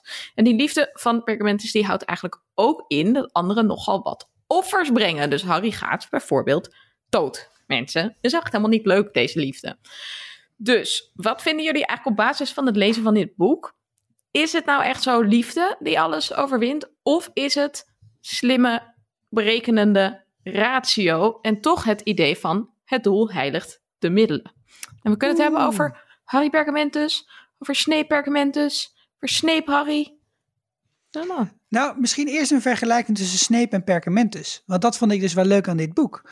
Dat je erachter komt dat beide eigenlijk een beetje baddies waren. En dat ze toen op hun eigen pet keken en zo, zo dat eh, doodshoofd zagen staan. Die zeiden, are we the baddies? Are we the En baddies? dat ze toen besloten, dit, dit, dit, this is not working out for me. Want het is, het is zelfs voor de mensen die me dier zijn en die ik lief heb, is het heel gevaarlijk en eh, verschrikkelijk om, dit, eh, om deze lijn door te zetten. Dus uiteindelijk is wel hun persoonlijke reden om weer goed te worden, is wel liefde. En uiteindelijk wil Perkamentus wel, en denk dat Snape het ook wel wil, eh, wilde dat de liefde overwint. En daarvoor zijn ze gewoon heel bereid heel erg ver te gaan. Dus ik denk dat het nog wel liefde is. Alles is liefde. Ik denk dat het geen tegenstelling is. Of liefde, of ratio, of plannetje, of whatever. Zeg maar, ik denk en dat het een heel slim... Of nou ja, ik, nou ja, ja het, werkt uiteindelijk. Dus dat het een plan was van eh Perkamentus... eh, puppet master, zeg maar. Lekker iedereen manipuleren om het precies zo te doen zoals hij het heeft bedacht. Ja. Eh, maar ik denk ook dat de reden dat het werkte is dat hij rekende op liefde. En rekende op de bescherming van liefde. En op dingen die Voldemort niet kon begrijpen, maar Harry wel. En de, de orde van de Phoenix wel. En de mensen van Zwijnstein die toch met elkaar allemaal uiteindelijk gaan vechten. En gedreven worden door liefde in plaats van door angst. Wat je ziet dat, dat het leger van Voldemort ook op een gegeven moment uit elkaar gaat. Ehm, dus dat. En iets wat ik er ook nog over bedacht is ook nog een beetje over die Elder Wand en zo. Dus ik was met hem het lezen ook steeds een beetje aan het letten op Snape. En ik vind Snape, ik weet niet, hij wordt altijd een beetje... Harry noemt zelfs zijn kind naar hem. Maar eh, best wel creepy. Snape is echt een creepy persoon, zeker in de boeken. ik bedoel, Ja. come on. Ehm, Lily wilde uiteindelijk niet met je om volgens mij best wel re- reasonable redenen, want je gedroeg je gewoon echt niet heel erg chill. Zelfs als ze al onredelijke redenen had Ja, gehad. ook 100% Ja. redelijk. En nog Dan steeds heb je nog gewoon pech, vriend. is dat soort van de drijfveer uit je leven. Je doet fucking onaardig tegen heel veel mensen. I don't know. Maar uiteindelijk krijgt hij dan de Elderwand van um, Perkamentus, terwijl hij het niet weet. Maar toen dacht en ik dacht, waarom geeft hij hem niet gewoon aan Harry? Want soort van, maar wie is de grootste vijand van Harry behalve Voldemort? Snape. Draco. Oh. Ja, ik denk Ja, wel Snape, zeker nadat hij Perkamentus heeft vermoord. Dus er was ook nog best wel een kansje dat als Harry en, Snape elkaar nog een keer tegen zouden komen, dat Harry Snape zou vermoorden en dat hij dan toch nog de Elder Wand zou krijgen. Dat was even nog een zijlijntje die ik nog heel veel in Ja, wilde want wat zou, wat zou er gebeurd zijn, denken jullie, en, daarop aanhakend, als, als Snape Harry wel eerder had gesproken dan op zijn sterfbed? Ja, Dat, Nou- ik vraag me dat heel erg af steeds, nog steeds. Ik ook. Ja. En het is grappig als je het boek opnieuw leest, dat je dan ziet dat Snape dus heel erg op zoek is naar Harry. En dat je dus steeds denkt, oh, dat is natuurlijk omdat hij hem wil vermoorden of zo. Ja. Maar nee, dat is dus niet zo. En dat is best wel, ehm, best wel sterk. Maar ja, ehm, Harry had hem natuurlijk gewoon echt niet zomaar laten uitpraten. Nee. Nee, dat denk ik ook niet. Nee. Maar Snape was nog steeds wel veel machtiger dan Harry. Dus zou hij hem, zou hij hem dan, zeg maar, ontwapend hebben en gewoon... Eigenlijk dat hij de patronen had gestuurd. Dat hij Lily had gestuurd. En dat Harry die natuurlijk wel had herkend als iets goeds. En als die dan was gaan praten en was gaan zeggen: Ik heb een boodschap voor je. Hij komt van Severus Snape. Laat hem even, in elk geval zeg maar, kijk even deze Ja, want- herinnering en oordeel dan. Maar ja, dan zou Harry natuurlijk denken: Ja, Nee, eh, ik ben niet gek, die- ik ga niet in die hersenpan zitten, want Nee, dan ben ik die- opgesloten. Maar zodra die Snape hoort, dan klapt Harry toch ook, denkt Harry toch ook, ja, doei. ja, Of misschien kan je ook wel. andermans, moet hij dan even helium nemen eerst, dat hij dan niet herkenbaar is. Nee, maar als hij die herkent, dan weet hij ook dat dat Hallo, degene is die, die, die dat zwaard heeft gestuurd. Hmm. Dus dan is het misschien wel een teken van vertrouwen. Maar, en, en is er dan een domme vraag misschien, maar waarom, als hij toch dat zwaard kan brengen en hij is daar in de buurt, Drop Zeg maar, even die is memory. Nee, ligt hij- da- nee ligt dan hij weet daar hij het achter de bosjes? Oh, Sikko, heb jij het boek niet uitgelezen deze keer? Dit wordt allemaal uitgelegd. Ja, want, want hij, hij mag, Snape moet pa- dat pas zeggen tegen Harry op het moment dat hij eh, Nagini, Voldemort Nagini gaat beschermen. Omdat Harry anders misschien te langzaam gaat zijn in het vernietigen van de gruzelementen, omdat hij dan weet dat hij zelf doodgaat. Maar ook, Perkamentus als portret zegt ook in de herinneringen van Snape, komen we erachter, tegen Snape, dat Harry niet mag weten dat hij het zwaard brengt, omdat Voldemort dat dan misschien zou kunnen zien op het moment dat hij Ja. Harry's gedachten leest. Maar even, weet je wat echt chill, chill was geweest? Weet je wat echt chill was geweest? Als hij gewoon een klok had gekocht, klik, klik, boem. Als ze allemaal geweren hadden gehad, sowieso. Ja, en dan op gewoon YouTube, je hebt op. YouTube, je hebt Maar- op YouTube daar ook filmpjes van, hè, dat alle toverstaf voor geweren zijn vervangen. Nee. Ja, ik zet het in de show notes. Schrijf Ik heb toch wel eerder mijn theorie geniaal. verteld dat ze juist allemaal dreuzeltechnologieën zouden moeten gebruiken. Ja. Maar goed, dat zou ook cool geweest zijn. Maar wat ook heel handig was geweest, als een van de dingen die ze hadden geërfd, was een portret van Albus Perkamentus, waardoor ze gewoon de hele tijd met dat portret konden kletsen en ze gewoon, die gewoon de hele tijd tegen Harry kon zeggen, hé hey, yo, je moet anders even daar zoeken. Daar ben ik al geweest, maar daar niet. Hé, hey, misschien ligt er iets in de Godric's Helle. Oh, wat stom. Nee, toch niet. Dat was best wel chill geweest. En ik snap wel echt, als je over dat soort dingen nadenkt, dat Harry een heel groot deel van het boek denkt, fuck jou, Ja. Perkamentus. Want dat is ook in boek 5, denk ik ook steeds. Ja, sorry, maar wat, waarom, zeg maar, ik snap het masterplan, allemaal dingetjes van Perkamentus, maar er bestaat ook zoiets als menselijke emotie en liefde. En zeker voor iemand als Harry, die elk vaderfiguur uit zijn leven kwijtraakt. Ehm, en eh, waarom doe je niet Ja. gewoon aardiger tegen Harry? Waarom? Nou, Ah, en wat ik ook gewoon niet zo goed te begrijpen aan is, hij weet ook dat hij doodgaat, Perkament, aan het einde van boek 6. Hij, weet het dus bijna uit, ik ga zo. oh nee, nog maar honderd Nee, pagina's. Maar dat hij dan ook niet van tevoren zegt waar hij denkt, waar hij denkt dat die andere shit is. Daar hebben ze het nooit over Ja. gehad. Nee. Dat begrijp ik niet. Dus ik weet nooit zo goed wat ik vind van het plan van Perkament. Want aan de ene kant heb ik die gevoelens erbij van ja, het is gewoon voor the great and good. het moet gewoon gebeuren. Ja, en, en, en het is goed dat niet iedereen alle informatie heeft. Dat is soms gewoon zo, denk ik. Eh, maar aan de andere kant denk ik, ja, maar wat de fuck voor iemand die zoveel lief hebt, heeft, hebt die iemand die Lief zoveel heb. lief heeft en die heel veel van Harry schijnt te houden. Ehm, w- wat fuck, wat doe je met hem? Ik vind het ook Gast. heel leuk. We gaan het daar niet uitgebreid over hebben in ons achtste boek. Dus ik neem nu toch nog maar onze achtste aflevering. dus ik neem nu toch maar even een, een voorsprong op het achtste boek. Ehm, het toneelstuk, The Cursed Child. Ik vind het heel leuk dat Harry dan op een gegeven moment met een portret van Pergamentus praat. En dat die relatie dus ook best wel bekoeld is. En dat je daar ook best wel een beetje spanning op de, op de lijn Ja. ziet. Dat is ook wel echt goed gedaan, vind ik. Dat ze geen buddies meer zijn. Verder geen geweldig plot. Geen matties. Wel een mooi toneelstuk, maar Kunnen we wel iets over zeggen in de volgende, volgende aflevering. Dat is wel leuk. En, maar, maar had je zelf dan nog andere bespiegelingen op deze rela's? Ik heb nog een, eh, een klein eh, dingetje om, eh, om de puist uit te knijpen. En dat is dat uiteindelijk liefde natuurlijk wel een beetje wint. Omdat Harry, die wordt vermoord door Voldemort. En die ligt daar op de, op de, vloer, van het, eh, op de vloer van het bos, op de grond. en dan eh wordt. Narcissa naar hem toegestuurd om te kijken of hij nog leeft. En als het een ander persoon zou zijn geweest, of als Narcissa niet op dat moment bang zou zijn geweest dat haar zoon uh, nog in het kasteel was en dat zij daar niet naartoe zou kunnen als uh, Harry nog bleek te leven, um, dan was het heel anders afgelopen. Want dan waren al die dooddoeners met z'n allen op Harry gegaan. En ja, dat had hij natuurlijk niet overleefd. Dus in die zin overleeft, uh, heeft liefde toch nog wel echt een soort rol ook in hoe dit plot weer verder zich ontknoopt. Ja, en eigenlijk ook wel een beetje die oude magie dan in ieder geval ook in, uh, in Peter Pippeling zijn einde, zeg maar. Oh ja, dus daar, ja. daar zit ook, zeg maar, die schuld in. Dat, dat zijn er wel echt, ja, dat vind ik echt de leukere dingen, uh, die, die oudere magie erin. Ik vraag me wel nog steeds af, ja, heeft Harry nou eigenlijk deze afgelopen zeven boeken eigenlijk niet kunnen sterven door die bescherming van Lily? Ik bedoel, hoe ver reikt die? Als in, ja. ja maar daar hebben want, we het toch al eerder over gehad, dat je soort van... Um, ja, best wel ver, want het zit in zijn bloed ook, toch? Daar hadden, ja. hadden we, daar hadden we het eerder over. Ja, ben je dus forever beschermd? Of, of, ja, of is het op een gegeven moment is het klaar of zo? Nee, maar er is gewoon... Dus door Lily is het volgens mij dat... Uh, mm, nee, ja, oké. Okay. En wat ik wilde zeggen was eigenlijk dat uh, Harry voortleeft in Voldemort. Dus dat daar soort van... Dat hij niet door Voldemort gedood kan worden.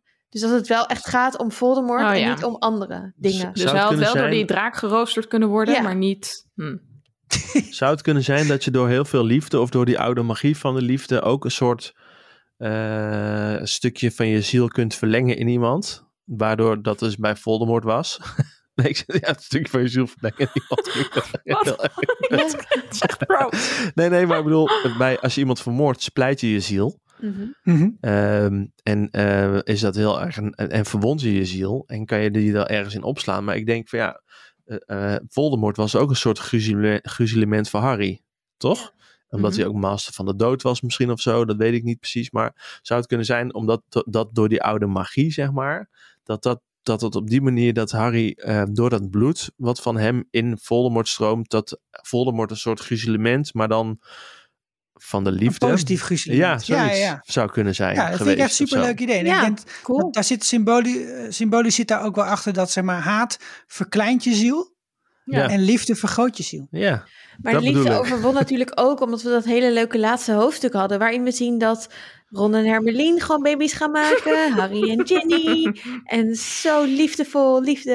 Yay. Ik vind het wel echt heel leuk. Kan op de lijn. dat Marcel dan professor is geworden aan Zwijnstein. Ja. Wat terecht. Ja. Hey, trouwens, ik heb op Pottermore gelezen dat professor Strongs er ook nog is. Wat uh, aangeeft dat de klassen groter zijn geworden. En dat de docenten Ah. meer vrije tijd hebben gekregen. Hopelijk, dat is Oh, niet gegeven. goed. Weet je, dat zou ook best kunnen dat dat niet zo is. Get your shit en, together. en, en over Marcel, die gaat trouwen met Hanna Abbott. En die wordt de Ja. nieuwe waard van eh, de lekke ketel. Leuk. Oh, leuk. Zo cool. Ik Oh, zag het leuk. ook wel voor me dat, eh, dat ze dat samen deden. Dus dat Ja, Marcel ook ook daar leuk. lekker de glazen staat te spoelen. Nee, Marcel zit gewoon de hele jaar in zijn eentje In zijn aarde. eh, te masturberen op de leuk, dan die lekker ketel is wel gewoon nu een hipstercafé met vet veel pannenkoekenplanten. Ja, nice. Hey, hey, over de liefde gesproken. Denken jullie dat, denken jullie dat we klaar zijn eh, over eh, het hele heeft de liefde overwonnen? Maar heeft Ik de liefde nog- overwonnen? Ik wil het nog hebben over één element van de liefde. Dicks en wants. Ah, lekker bruggetje dit. Ja, we moeten natuurlijk wel even over vallensymbolen hebben, Sander. Ja, over toverstoffen wilden we het nog heel graag over hebben. Ehm, want eh, hoe werkt het nu eigenlijk met al die toverstoffen? We hebben het natuurlijk al een paar keer over gehad. Over allerlei dingen die daarmee te maken hebben. Maar eh, ik, ik ben gewoon benieuwd. Ik ben gewoon benieuwd. ik, ik, ben, ik, ik ben gewoon benieuwd. Oké, ja. Dat is Wat nu, de wat nu de bredere eh, betekenis is van bijvoorbeeld de, de toverstaf wordt of kiest de tovenaar. En ehm, hoe, hoe zit dat met het, eigen, met het hebben van een eigen wil van zo'n toverstaf? En ehm, hoe, eh, is een persoon magisch en daardoor machtig en kanaliseert hij dat via een toverstaf? Of maakt een toverstaf iemand nog machtiger, wat in dit boek ook wel geïmpliceerd, eh, geïmpliceerd wordt? Dat soort vragen ben ik benieuwd. En dan ben ik ook nog eh, eh, los daarvan benieuwd van wat betekent nou voor heel de tovergeschiedenis dat alleen tovenaars toverstaf mogen gebruiken. Maar die komen, dat is misschien wat later. Dus eerst Sikko. Nou ja, we hebben eerder over die toverstaffen gehad en over uh, dreuzels. En over als je een kindje bent en je hebt een beetje magie en dan op een gegeven moment mag je naar de toverschool. Hebben we het steeds gebruikt als een soort van ja, versterker of zo, of een antenne. En in dit boek heb je echt het moment dat, dat er over toverstaffen gepraat wordt alsof het zelf ook een persoonlijkheid is. Of dat je er een soort vriendschap of alliantie mee aan kunt gaan. Dat vind ik, A, het hele idee van Wandlore fantastisch. Want het maakt ook weer zo'n diepere laag aan van waar, ja, waarom wordt er zo moeilijk over die krengen gedaan. Het is ook heel erg nodig, omdat je anders dat relieken des doods, of hoe het ook heet, eh, niet echt kunt gebruiken in dit boek. Maar dat maakt het wel dat, dat het, het, is, het is meer dan alleen maar gewoon een stokje. En daar ben ik eigenlijk wel heel blij mee. Ja, nee, ja, cool. Ja, ik, ik denk nog steeds dat het een soort, dat, ik weet niet. Ik denk nog steeds dat het een manier is om kennis te beheersen door hm. mensen, magiërs. Ehm, ik denk dat uh, sowieso er heel veel kennis, dat eigenlijk de ongelijkheid in de tovenaarswereld ook een kennisongelijkheid is. Um, en dat, uh, uh, omdat er heel veel kennis is over hoe je magie kan kanaliseren en tot het summum van magie kunt krijgen door middel van een toverstok of door middel van combinaties van elementen zoals phoenixhaar en blablabla, phoenixveer bedoel ik. Bepaalde soorten hout. Ehm, dat dat uh, mensen, tovenaars, daarom een voorsprong hebben op bijvoorbeeld uh, um, uh, elfen, tovenaars, huiselfen of mm trollen. Um, want wie weet kan je ook wel door, God, door in, een, in een ring uh, bepaalde metalen te combineren en daar bepaalde stenen in te doen, of, of niet. Een handschoen met vijf stenen. Bijvoorbeeld, misschien zijn er wel vijf magische stenen. Infinity Stones, yes. uh, misschien is dat er allemaal ook wel, maar is dat gewoon niet onderzocht? Ja, nou, ja. Dus ik, ja. Nu, nu je dat zo zegt, kijk, de, de, de kern van, die, van de staven, stoffen, staf, stafjes, is, is, is steeds wel een soort, is een dierlijk materiaal, toch steeds? Het is, dit wordt niet gezegd van mm, ja, ik, heb er, ik heb er een edelsteen in zitten, een mm. diamant nou, of, of, zo. van een wezen, denk ik. Want een villa, of een glamorgana, oh, ja. haar. Wezen, ja, ja. En, en, eh, maar daardoor denk ik ook een beetje dat, uh, hoe ik het me voorstel, is je hebt dus je hebt die toverstaf. Ik weet niet hoeveel ruimte er binnen in die holte zit, maar wel een beetje, denk ik. Want het voelt gewoon een beetje alsof als jij die spreuk uitspreekt, dat die uh, dat het moet gaan resoneren. Hè? Alsof het als een soort gitaarsnaar in die stof mee gaat trillen. Mm -hmm. En wat ik denk is dat je, dat, dat, je, dat je met dat organische materiaal wat erin zit, wat dus bij een of ander wezen hoort of dier, dat je daarmee ook krachten aanspreekt die horen bij die soort of zo. Dus wat je, wat je wel eens hoort is dat jouw dolfijnen zijn slimmer dan mensen. Nou, dat is niet zo. Maar misschien wel op een bepaalde manier kunnen ze dingen die wij niet kunnen. En als we dat nou zouden ja. kunnen harnessen, hè, kunnen vangen, ik heb het gevoel dat je dat is wat je doet met zo'n staf. En volgens mij heeft hij ook een soort uh, geheugen. Ja, ik heb even wat dingen opgezocht hierover op uh, PotterWiki. Dat heb ik helemaal niet vaak, maar dit keer toch maar gedaan. Want ik was wel benieuwd. Um, en je hebt inderdaad verschillende omhulsels, dus verschillende bomen en planten. Uh, die van uh, Voldemort is bijvoorbeeld taxushout. Uh, en dat is natuurlijk een giftig, giftige plant. Um, known. Um, die van, uh, van Malfidus is uh, meidoorn. Um, en je hebt ook bijvoorbeeld of ze buigzaam zijn, dat vertelt Ollivander altijd. Dat bepaalt of de stok dus makkelijk van um, alliantie wisselt. Dus die van Draco is best wel flexibel en wisselt daarom makkelijk van. It's rather flexible. Terwijl die van Bellatrix is dat helemaal niet. En Hermeline heeft daar ook heel veel moeite mee. En dat is dus niet alleen omdat ze hem niet gewonnen heeft, maar ook omdat die stok dus heel erg naar de hand van Bellatrix is gaan staan. Ja, zo krom is als een hoepel. Maar nu heb ik aan jullie de vraag: weten jullie wat de kern van de zegevlier is? En shout-out naar het woord zegevlier, want hoe vet is dat? Maar... Ja, super mooi. Behalve dan dat Elder Wand gaat om de boom waarvan hij is gemaakt. Ja, maar dat klopt, want het is een vlierbloesemboom. Oh, fucking Vet nice. Cool, toch? Heel oh, cool. Dat is, dat is dus echt weer fucking props voor. Maar wat denken aan Your mother is an elder hamster and your father smells of nou, elderberry. De, nee, maar even kern, terug naar de kern. Ja, de kern dat van is, de zegenvlier. Dus het beest wat erin niet, zit. Oh, er zit wel een beest in. Ik niet oh, dat het niet van laurier is. Van zo'n krans. Ja, ik dacht dat het misschien van, uh, van, van een draadje van de mantel van de dood was. Het is wel een beest dat met de dood geassocieerd wordt. Het is een staarthaar van een thestral, van een uh, Oh. terzieler. Oh, dat is waar, ja. cool. En die Oh. wou ook nog gewoon over, over, over, over terzielers praten, want die zijn zoveel vetter dan eenhoorns eigenlijk. Gewoon Ja. zoveel vetter bedacht. Oh my god. De gothic eenhoorns. Dat Ik zijn heel veel kleuters het niet met je eens trouwens hoor. Nog even, nee dat weet ik. Over, Die hebben ook geen bit, maar alleen zo'n Ja, zo'n zo'n oor- zo'n oorbel. over de zeevampire hebben. Want ehm, we leren natuurlijk in dat sprookje van, eh van Ignotus en eh, de broeders Peverell... dat de dood niet eh, te cheaten valt. En dat ze dat allemaal proberen, maar dat dat niet kan. En Dumbledore probeert dat natuurlijk eigenlijk ook. Want die probeert die stok stiekem door te geven aan Snape... zodat dan de kracht ervan verloren gaat. Maar in hoeverre heeft die stok er vervolgens een hand in... dat Dumbledore niet op de manier doodgaat waarop hij wil... maar dat Draco dan degene is die hem eh, ontwapent. Dus Oh ja. is het uiteindelijk ook de stok die daar sturend in is, omdat die stok niet wil dat die kracht er verloren gaat, maar omdat hij wil dat hij altijd sterk blijft en altijd wordt doorgegeven. Dus Ja. Dumbledore probeert toch ook op een bepaalde manier de dood om de tuin te leiden en dat werkt niet. Maar tegelijkertijd zou dit ook best wel erge consequenties hebben voor Harry, want iedereen weet nu dat hij die stok heeft. En dan gaat hem wel weer Ja, verstoppen. target, target. Hij is echt een vet target. Hij Het is echt in zo het dom. bij, het is een beetje eh, alsof die loterij hebt gewonnen en je hebt het van de daken Aan de andere kant hoef je blijkbaar maar één keer ontwapend te worden en die hele kracht is weg. Dus op zich gaat Ja. ook bij best wel snel. ja.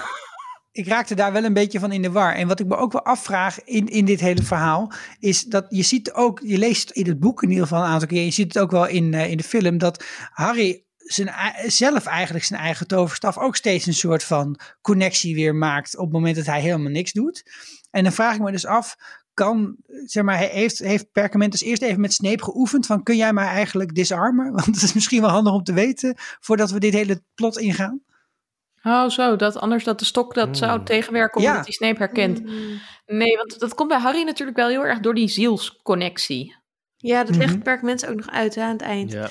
Ja, ik, ik ben zelf heel benieuwd naar. eh, ik heb hem al een paar keer genoemd, maar de, de, de Magic eh Beasts and Where to Find Them eh, film, Fantastic Beasts and Where to Find Them. De, in, ik neem aan dat we in een van de volgende films gaan zien hoe Perkamentus die staf wint van Grindelwald. Ja, Ja. want dat, dat, dat, Hoe Dat komt hij eigenlijk aan die staf? En hij heeft is- niet Grindelwald vermoord.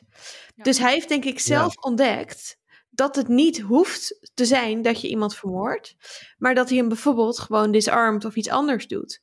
En eh, daarom denk ik dat hij weet dat het kan, want Grindelwald is ook niet dood. En dat suggereert ook dat, eh, dat die toverstaf eh, te overwinnen is door iemand die die toverstaf niet heeft. Dus dat magie ook meer in persoon zit dan in, in die staf zelf. Hmm, Of wat ja. ook zou kunnen zijn, is dat de Grindelwald niet vocht met de zegenvlier. En dat Perkament hem dis gedisarmd heeft.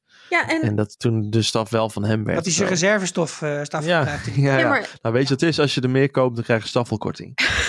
ja, maar we weten natuurlijk ook, kijk, we weten al van die steen dat het waarschijnlijk, het is een sprookje. Dat zegt Perkamentus ook, van hé, je hebt het sprookje en je hebt wat er echt gebeurt. En waarschijnlijk waren het gewoon drie hele slimme broers die met elkaar hele vette magie hebben gemaakt. Dus we weten niet of het echt zo is bij de zegenvlier, dat je alleen maar iemand mag vermoorden. Of dat je, misschien is het ook wel zo dat, een, dat als jij een veel sterkere tovenaar bent, dat die hele sterke wand ook eigenlijk het liefst bij de sterkste tovenaar wil zijn.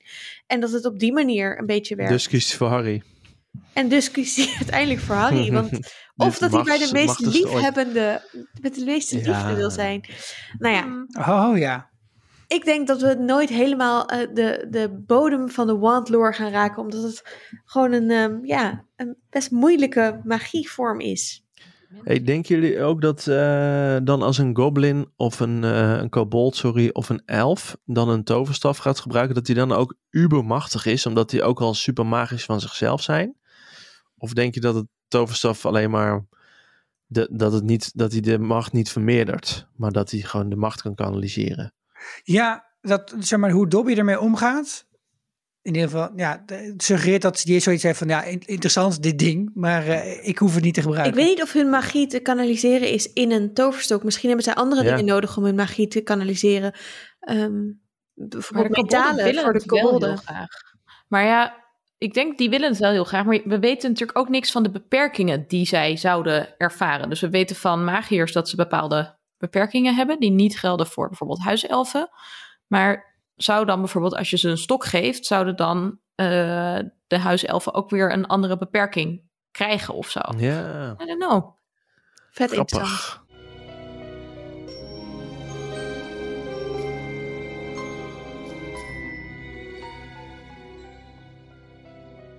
Ik denk dat we er heel lang over door zouden kunnen praten, maar Maar dat gaan we niet dat doen. gaan we niet doen. Want ik denk dat we ook Want nog twee films moeten bespreken.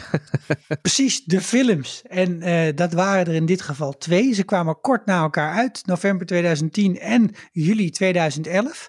En ehm, ja, wat vonden we van deze verfilming van dit laatste boek? Blijkbaar waren er twee films voor nodig. Is er nog iemand met een mening daarover?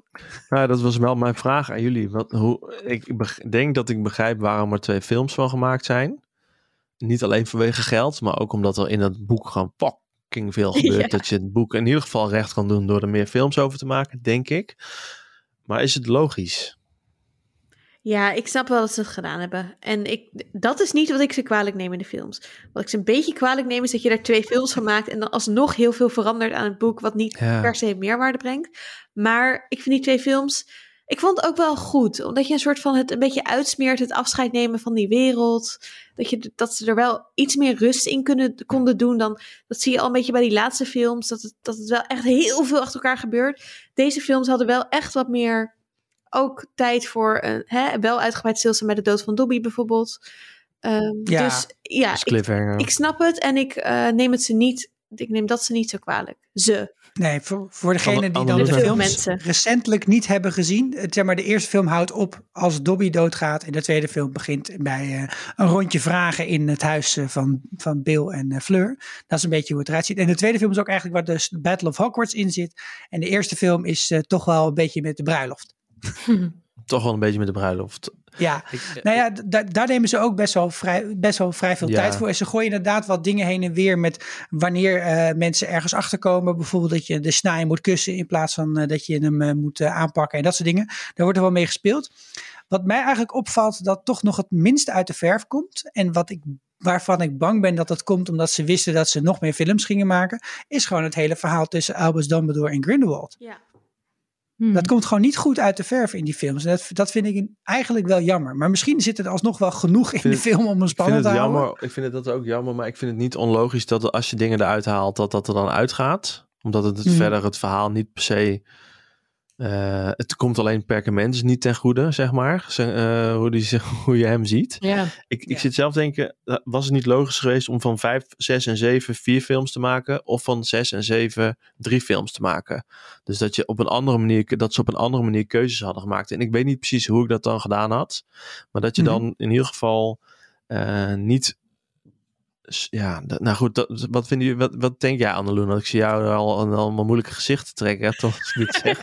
Ik weet niet. Je hebt Ja. volgens mij altijd vrij uitgesproken mening over de films. Maar ik weet niet, ik Eh, luister ja, onze podcast hè? ook terug. Heb ik die? Ja. ik die. Nou, ehm, ik zou niet zozeer, denk ik, vier films maken van die laatste eh, drie boeken. Omdat het wel heel mooi is dat je natuurlijk elke keer zo'n vast patroon hebt van je gaat eh, naar Zwijnstein en het laatste hoofdstuk is Ja. weg.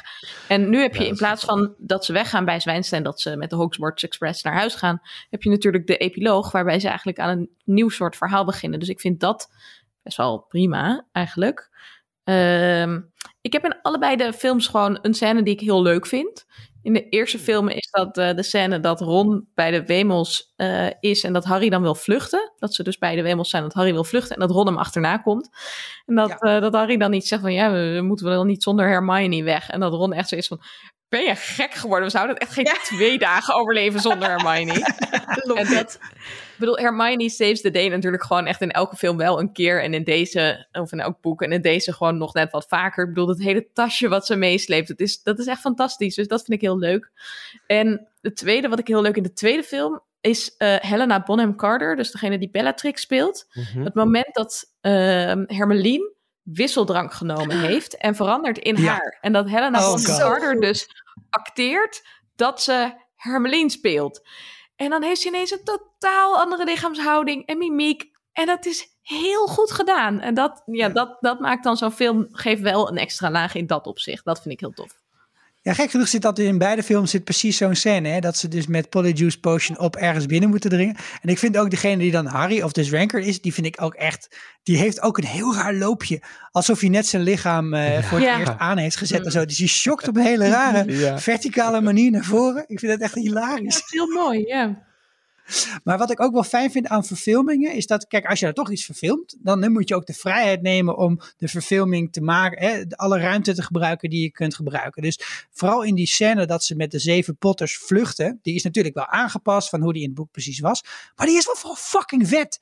En die heeft zeg maar die, die, die Britse haat tegen caravans zit er nog even in. Dat er een waf zo'n ding ontploft. En met zo'n mo- motor zo ondersteboven. Ik, ik, ik zat echt zo te kijken zo. Oh, this popcorn is serving me well with this. Ik vind het, ja, het is, het is echt popcornfilm. En dat, dat werkt, ik denk, heel goed in een film. Maar ik vind, heb hier wel dus weer, wat ik in elke film, een soort van terugkerend momentje van, oh ja, hier is weer die spannende achtervolgingsscène om het nog wat meer zo spanning. Terwijl ik dan denk, ja, die boeken zijn al vet spannend. Dus dat heb ik niet zo nodig. Terwijl ze bijvoorbeeld in de kelder van de Malvides zitten Harry en Ron echt super slungelig gewoon een beetje te kletsen. Dat je denkt, hallo, dit is echt een vet urgent moment, jongens. Ja. Dus dat vind ik wel heel gek. En wat ik, nou ja, ik heb dus wel één major beef ding met, met de film, de laatste vooral. Ehm, dat is, want ik vond in film 5 vond ik de magie echt heel mooi gedaan. Dus dat gevecht van Perkamentus en Voldemort op het ministerie is heel mooi. En in de boek zit een scène, een scène waarin ik, die vind ik ook fantastisch, waarin Snape en Anderling met elkaar gaan vechten. En dat je ziet, ik bedoel, de magie die Harry, Ron en Hermeline doen, is gewoon toch best wel beperkt. En dat je dan Anderling en Snape ziet vechten, dat is zo vet. Maar in de film is dat gewoon een beetje schieten met kleurtjes. En dat Ja, dat is waar. vind ik best wel jammer. En dat zie je ook een beetje terug in het gevecht van Harry en Voldemort. Dat is ook best wel een beetje pieuw, pieuw, pieuw. Terwijl dat, de boeken zijn dat voor mij helemaal niet. En die gaan helemaal niet Ja, over, dat- oh, Harry kan beter pieuw, pieuw, pieuwen. Want dat, dat is niet waarom hij uiteindelijk wint. Dus dat, dat vind ik gewoon heel jammer van, van deze laatste film. Ik denk wel dat het een keuze is dat je, voor, is dat je voorstellingsvermogen altijd beter is dan de beste CGI ooit. Probably. Ja, Ja. nee, maar, ik, denk, maar ik denk, nee, maar heel ik denk mooi. bijvoorbeeld, Dus het is, ik, kunnen het echt heel mooi. ik denk dat bijvoorbeeld, eh, want zij gaat dan allemaal shit beheksen en zo, weet je wel. Ik, ja, aan de ene kant begrijp ik wel de keuzes, aan de andere kant niet. En het heeft wel te maken met een fun fact eigenlijk, waarom ik denk dat dit, eh, dat Andeling toch een beetje zo'n minor, eh, zo'n beetje slechte magie la- zou laten zien, is omdat in de film ze eigenlijk eerst hadden gezegd dat Harry en Snape dat, de, dat eh, gevecht gingen doen in de grote hal. En niet Hmm. en toen heeft J.K. Rowling gezegd: Ja, hallo, eh, dat gaat dus echt niet gebeuren. Er moet, sowieso moet het anderling zijn. Oh, dat is wel Maar goed. misschien, dat ze, maar misschien dat ze daarom ehm, Ja. dan toch alsnog effects. eh. minder special Nee, effects hebben precies. gemaakt. Maar ik ben Ja, het wel met je eens hoor.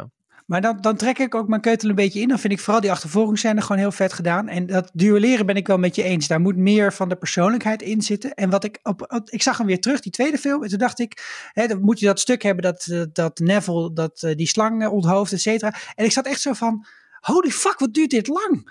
En werd, dat ging gewoon maar een kwartier door. En op een gegeven moment zat, eh zat eh, Voldemort nieuwe kleren te passen. En eh, in overal hangen lappen. Dan denk ik, gasten, doe even... En iedereen kan ook ineens apparate verschijnselen in. En, en alles kan ineens. Dus dan moet je gewoon keuzes maken. Dat, dat, dat, maar, ja, tof dat die harnassen gingen lopen. Maar dat vond ik eigenlijk een beetje overdreven. Dat duurde gewoon een kwartier te lang. Nee, maar dat is zeg maar in, ehm, in het boek vind ik de, het gevecht op Zwijnstein heel cool. Het duurt ook heel lang.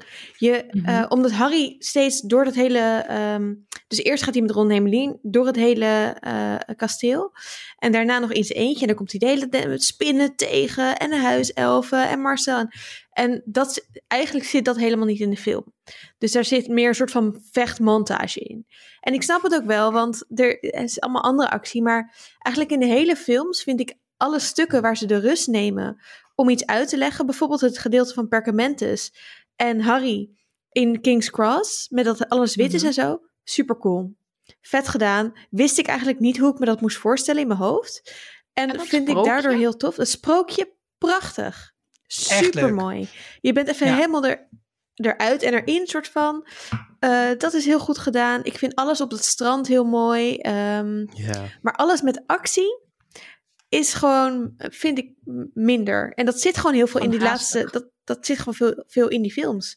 maar dat is ook, weet je, ik ben nu ook eh eh, Falcon en Winter Soldier, de Falcon en de Winter Soldier aan het kijken, natuurlijk na eh WandaVision. En dat vind ik ook minder leuk dan WandaVision, omdat het de hele tijd actie is. Terwijl WandaVision Ja. is gewoon veel meer verhaal en uitleg en gesprekken. Dus het is ook iets in mijn persoonlijke, ehm, ja, wat ik gewoon leuk vind om naar te kijken en wat niet. Ik vind twee scènes die, eh, van de laatste film die ik echt geweldig vind. Dat is de openingsscène. Waar je, Mm. waar je eh, eh, Snape ziet staan, terwijl die kinderen dan allemaal uh, Zwijnstein binnenlopen. Mhm. En ik vind dat echt super veelzeggend over. Nou, ik weet niet. Dat, dat, dat, zeker omdat je alles gelezen hebt ook. Vind ik gewoon dat daar echt zo verschrikkelijk veel in zit. En eh, hoewel het gevecht aan het, helemaal aan het einde eh, niet over om naar huis schrijven is, vind ik hoe ze de dood van Voldemort hebben weergegeven wel Ja. heel vet. Want het la- laat gewoon veel, meer, veel minder vragen achter over wat hebben ze met lichaam gedaan en dat soort Mm, dingen. Ja. Ehm, Precies. en ik vind het ook wel mooi. Ik vind het ook wel mooi om te zien dat het eigenlijk soort van is, of wordt gesuggereerd dat Voldemort zelf een soort gruzelement geworden is, omdat hij eigenlijk al zo, zo verzwakt is. En dat het laatste stukje ziel in dat lichaam, eh, ja, ik vond dat gewoon heel vet uitzien en mooi gedaan. Ja, nee, dat vind ik ook. Had je ook nog fun fact, Sander? Ja, nou, ik had net één fun fact genoemd en ik heb nog twee. En dat is eh, dat er, eh, hoeveel, hoeveel toverstaffen denken jullie dat er in totaal zijn gemaakt voor deze film? 100. Ja, Ja, toch wel. Evenveel als die uilen. 100. Oh, 500. Niet Oh, vijf, weer. 500. Wauw. En eh, de, de Seven Potters scène, die Mhm. heeft eh, met Daniel Radcliffe heeft, hij 90 takes voor één shot moeten doen. Wauw. Welk Want hij zit daar natuurlijk alleen in. Oh, Oeh. oh, of course. Oké. dat ze allemaal aan het omkleden zijn. ja, hey, en nog Ja. één ding. Kunnen we het nog even hebben over de knuffel die niet genoemd mag worden? Tussen Voldemort en? Draco. Wat? Huh? De knuffel die niet genoemd mag worden. Is er een Tussen knuffel? Draco en Vol... Die fucking hele weirde knuffel. Ja, dat iemand Dat een knuffel geeft. Is dat Ja, Ja, dat precies. ik. Dan, als Draco, knuffel. zo moet komen? dat het een knuffel moet voorstellen. Oh. Hmm. Zo ongemakkelijk. Maar dat is dus perfect, want hij kan dat ook helemaal niet. Nee, hij kan het ook niet. Ik wil nog terugkomen op iets wat ik eerder gezegd heb in onze vierde aflevering. Want toen vond ik dat Ralph Fiennes niet goed gecast werd. En ik vind hem Mhm. eigenlijk in deze film, dacht ik, ja, ik zie het nu wel. Toch Dus- wel, hè? Toch, Toch wel. wel. Ja. Het duurde even Hij voordat heeft ook je... nu gewoon niet je meer zulke ranzige nagels. Dat scheelt. Ja, we hebben best wel veel vragen gekregen over de casting en, en hercast en dat soort dingen. We hebben dat ook wel eens besproken. Maar is ook iets wat we in de volgende aflevering nog eh, wat meer kunnen bespreken. Eh, dus mocht je daar ook nog vragen over hebben of suggest leuke suggesties, vriendvandeshow.nl slash vierkant ogen. Sowieso voor al je vragen of dingen die je, waar je ons heel graag over wil horen praten voor in, eh, in aflevering 8. Ehm, maar ook nou ja, hele, hele goede waarvan je denkt, ja, deze persoon zou, had echt Snape moeten spelen. Of nou ja, Snape is een slecht voorbeeld, want oh my Ja, god. kan maar één zijn. Kan maar één zijn, maar, eh, maar goed, misschien is het ook wel een heel mooi bruggetje terwijl ik dit zo vertel naar, naar Ja. luisteraarsvragen. Wow, Fantastisch. Nee, we moeten nog noemen. De actrice die Narcissa Malfoy speelt is eh, overleden Oh vorige ja. week. Dat is waar. Ja. In memoriam. Dat, Heb jij haar naam nog paraat, Esther? Nee, ik ook niet. Ik ben heel Nou, slecht met eh, naam. Dan bij deze vervangende shout-out naar... Want ik wilde haar fashion nog noemen. Die van haar en professor Anderling. Dat die echt super vet gekleed zijn. En ik wil die hele esthetiek wil ik gewoon overnemen. Zal ik mijn haar zo half, half verven? Wat denken jullie? Hmm, nou, ik, ja, heeft op zich wel ja, wat. heeft wel wat. We gewoon lekker... Nou, wat, is die, wat wordt de andere helft dan? Eh, nee, Roze. daar ben ik niet zo van. Nee, wit, en zwart dacht ik wel gewoon. moet je doen als je grijs wordt. Ah, ja, Fabulous. Cruella de veel achter haar. Ja. Maar heel goed, Esther. Je hebt de luisteraarsvragen alvast voorgezet. En Mhm. één daarvan kwam van Daan. En die eh, had eh, een, een analogie gezien. Een vergelijking tussen eh, Harry en Frodo. Hij heeft dat het Frodo-complex genoemd. Waarin de hoofdpersoon zich afzondert van de andere hoofdpersoon. Omdat hij zich eenzaam voelt in het uitverkoren zijn. En hij wilde graag weten wat onze hot take was op deze analogie. Mijn hot take is dat ik het wel in allebei de films en boeken best wel vermoeiend vind dat dat gebeurt. dat, is, dat is waar voor mijn overeenkomst Je bedoelt, het, het is vermoeiend om naar te kijken. Ja, of om te, eh, Ja. te lezen. Dat is het ook. Dat vind ik ook. Het, het, het is, is heel het zwaarmoedig, zeg maar. eh, Dat, dat, dat, dat, dat, dat, dat- oh, ik heb het zo zwaar. en ik heb een niemand heel zwaar begrijpt leven. mij. Ja, ik vind, dat, ik vind het helemaal niet in boek 7. Vinden jullie dat Harry dat doet? Nee, ik Ja, vind het helemaal niet. Ik vind het juist de wel, rest wel erbij betrekt. Alleen aan het eind. Maar ja, dat is ook logisch. Dat hij alleen naar die pensie, naar de pens, de, de pensie. Pensie. Nou, op, hij is op twee momenten is hij wel echt naar de, naar de andere, eh, zondert hij zich af. De eerste is dat hij denkt dat zij het steeds over hem hebben en dat hij soort van ook boos op ze is. Dat komt natuurlijk ook door de medaillon van ze begrijpen het gewoon niet. Ik ben ook maar wat aan het bedenken. En dan denk ik ook, praat daar gewoon over. En het tweede is als hij helemaal die obsessie krijgt van de, eh, eh, de, de relieken, zeg maar. Eh, versus dat zij gewoon aan de Horcruxen willen werken. Dat hij een soort van, ja, maar dit is toch logisch? Dit is precies wat Dumbledore wilde dat ik ach- waar ik achter kwam. Waarom begrijpen ze dat niet? Maar hij zondert zich toch juist niet af daar. Hij gaat juist in discussie. Vind ik, dat vind Ja, ik- dat vind ik ook wel. Hij Ja, zoekt dus maybe. samen waar hij zich echt afzondert als hij weet dat hij moet sterven. Omdat Ja. hij bang is dat hij dan dat niet kan. Ja. Maar ik weet niet of dat een uitverkorene syndroom is. Maar wat ik eigenlijk, als we de analogie tussen, eh, tussen Frodo en Harry nog een beetje doortrekken. Wat ik, wat ik jammer vind eigenlijk toch uiteindelijk. Dat Harry geen wat- ring draagt. Nee, dat valt mee, valt mee. Nee, maar wat ik zo leuk vind aan Frodo is dat Frodo en eigenlijk Bilbo daarvoor echt the most unlikely creature imaginable is, zeg maar. En het dus een nobody is. En dat er in dit boek toch nog een beetje wordt ingeschreven dat hij, dat hij beroemde voorouders heeft. Dat vind ik dus eigenlijk helemaal niet leuk. En ook niet helemaal in lijn met de boodschap, namelijk dat het er niet toe moet doen. Het doet er toch wel toe. En dan denk ik, dat is toch helemaal niet nodig. Er was toch eigenlijk al voldoende reden om Harry bijzonder te vinden. Daar is dan niet dit ook nog voor nodig. ja, dit irriteerde me ook toen ik het herlas. Toch een beetje een Ray Skywalker verhaal. Oh Come ja, nee, Sikko, ik had dit opgeschreven, letterlijk. Ik heb het helemaal niet meer gezegd, Oh. maar het is precies mijn irritatie aan die laatste Star Wars film. Van, oh, je was toch van een belangrijke bloedlijn. En dat is waarom je Eh. awesome bent. Dat is het echt een beetje. Hmm. Van, oh, je bent En ook daar nog is niks een mis mee. super magische bloedlijn. Oh, komt hij weer hoor, de royalist. We hadden nog meer vragen of niet? Ja, doe jij er anders even eentje. Ehm, nou, eentje waar we het vorige week wel over gehad hebben, waar, waar, waar wel interessante vragen nog over kwamen, is kunnen gruzielementen in theorie tot leven komen terwijl de tovenaar nog leeft? Dat vond ik een mooie Ehm, vraag. En ik kan even niet zien bij, die van, bij wie die vandaan komt, maar die kregen we via vriend van de show.nl. En dan vraagt hij ook nog, had Voldemort uit het dagboek kunnen komen terwijl hij dus nog leefde? Had dat dagboek zelf iets kunnen gaan doen? Zodat je dan dus twee Voldemorts tegelijk... Ja, nou, daar heb ik het vorige week over gehad, of in, in de vorige aflevering. Dat ik denk eigenlijk van wel. Ik, ik zie geen enkele reden in waarom dat niet zou kunnen. Want je hebt een stukje ziel, heb je van jezelf afgesplitst. Dat zit in dat ding. En hij weet ook niet wanneer ze kapot gaan of, of, of wanneer ze. eh, en dan als hij leeft als er, als er worden vernietigd. Ehm, en ik denk ook, ik blijf bij mijn theorie, want ik vind dat echt een chille gedachte, dat ze ook een soort van sterker kunnen worden. Of dat ze een soort van jou willen overleven. Of, of de, de eindversie willen zijn. Het, het overlevende Ja, stukje willen Ja, worden. nee, ja. En dat, Dat je de enige over was inderdaad. Ja, zei, nee, ik ga als ongelooflijk... alle eh, anderen verzamelen. Om zo mij het sterkste stukje van jou te laten zijn.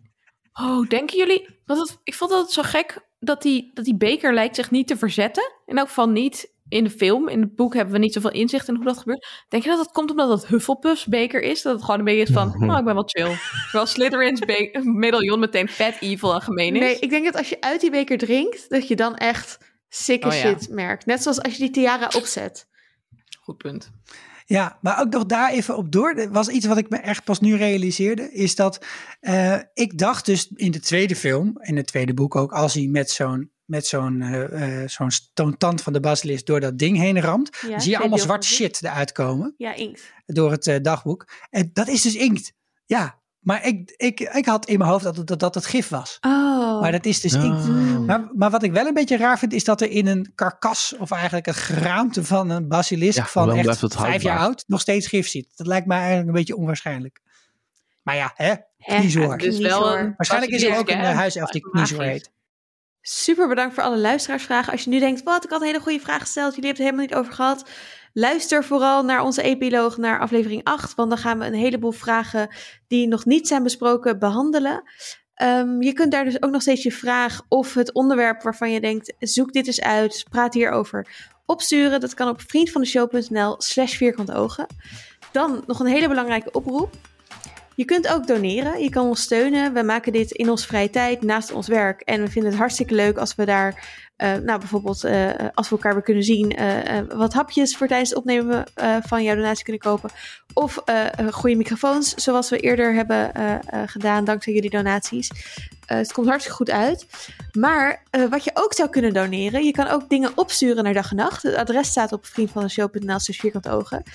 En volgende week ga ik de uber moeilijke uh, eindfinale quiz maken. Om te kijken wie de uh, uber kennispersoon is over de Harry Potter boeken. Um, Wel heel veel uber hè, voor zo'n uh, ja, dit, Harry Potter. Ja, dit is iets te veel bloedlijnen dingen. Um, um, wie, is, wie weet het meest? Uh, en uh, die, degene die dat wint, die moet natuurlijk ook een prijs krijgen. Dus misschien kunnen jullie een prijs doneren. Uh, of geld om een leuke prijs te kopen. Maar ik zou het ook leuk vinden als je denkt... ik stuur een leuk bierpakket naar dag en nacht voor, yes. voor de Vierde Oogshow. Trouwens ook gewoon leuk voor ons tijdens het opnemen. Maar die winnaar, die gun ik het nieuwe Hema biertje. dat is wel of iets heel, iets heel vies. Of iets...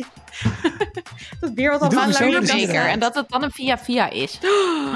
Wow, of een toverstaf. Wow. Goed. Uh, op vriendvandeshow.nl, 6 vierkante ogen, vind je alle informatie die je hiervoor nodig hebt. Waar je kunt doneren, waar je je post naartoe kan sturen. En waar je je vraag kan yes. achterlaten. Dus we zien je daar. Tot, tot 29 april kunnen jullie je vragen, opmerkingen opsturen. Hoe had jij je kind genoemd als je Harry was? We willen het allemaal van je weten in de laatste aflevering, de epiloog. Tot volgende week. Doei. doei. doei.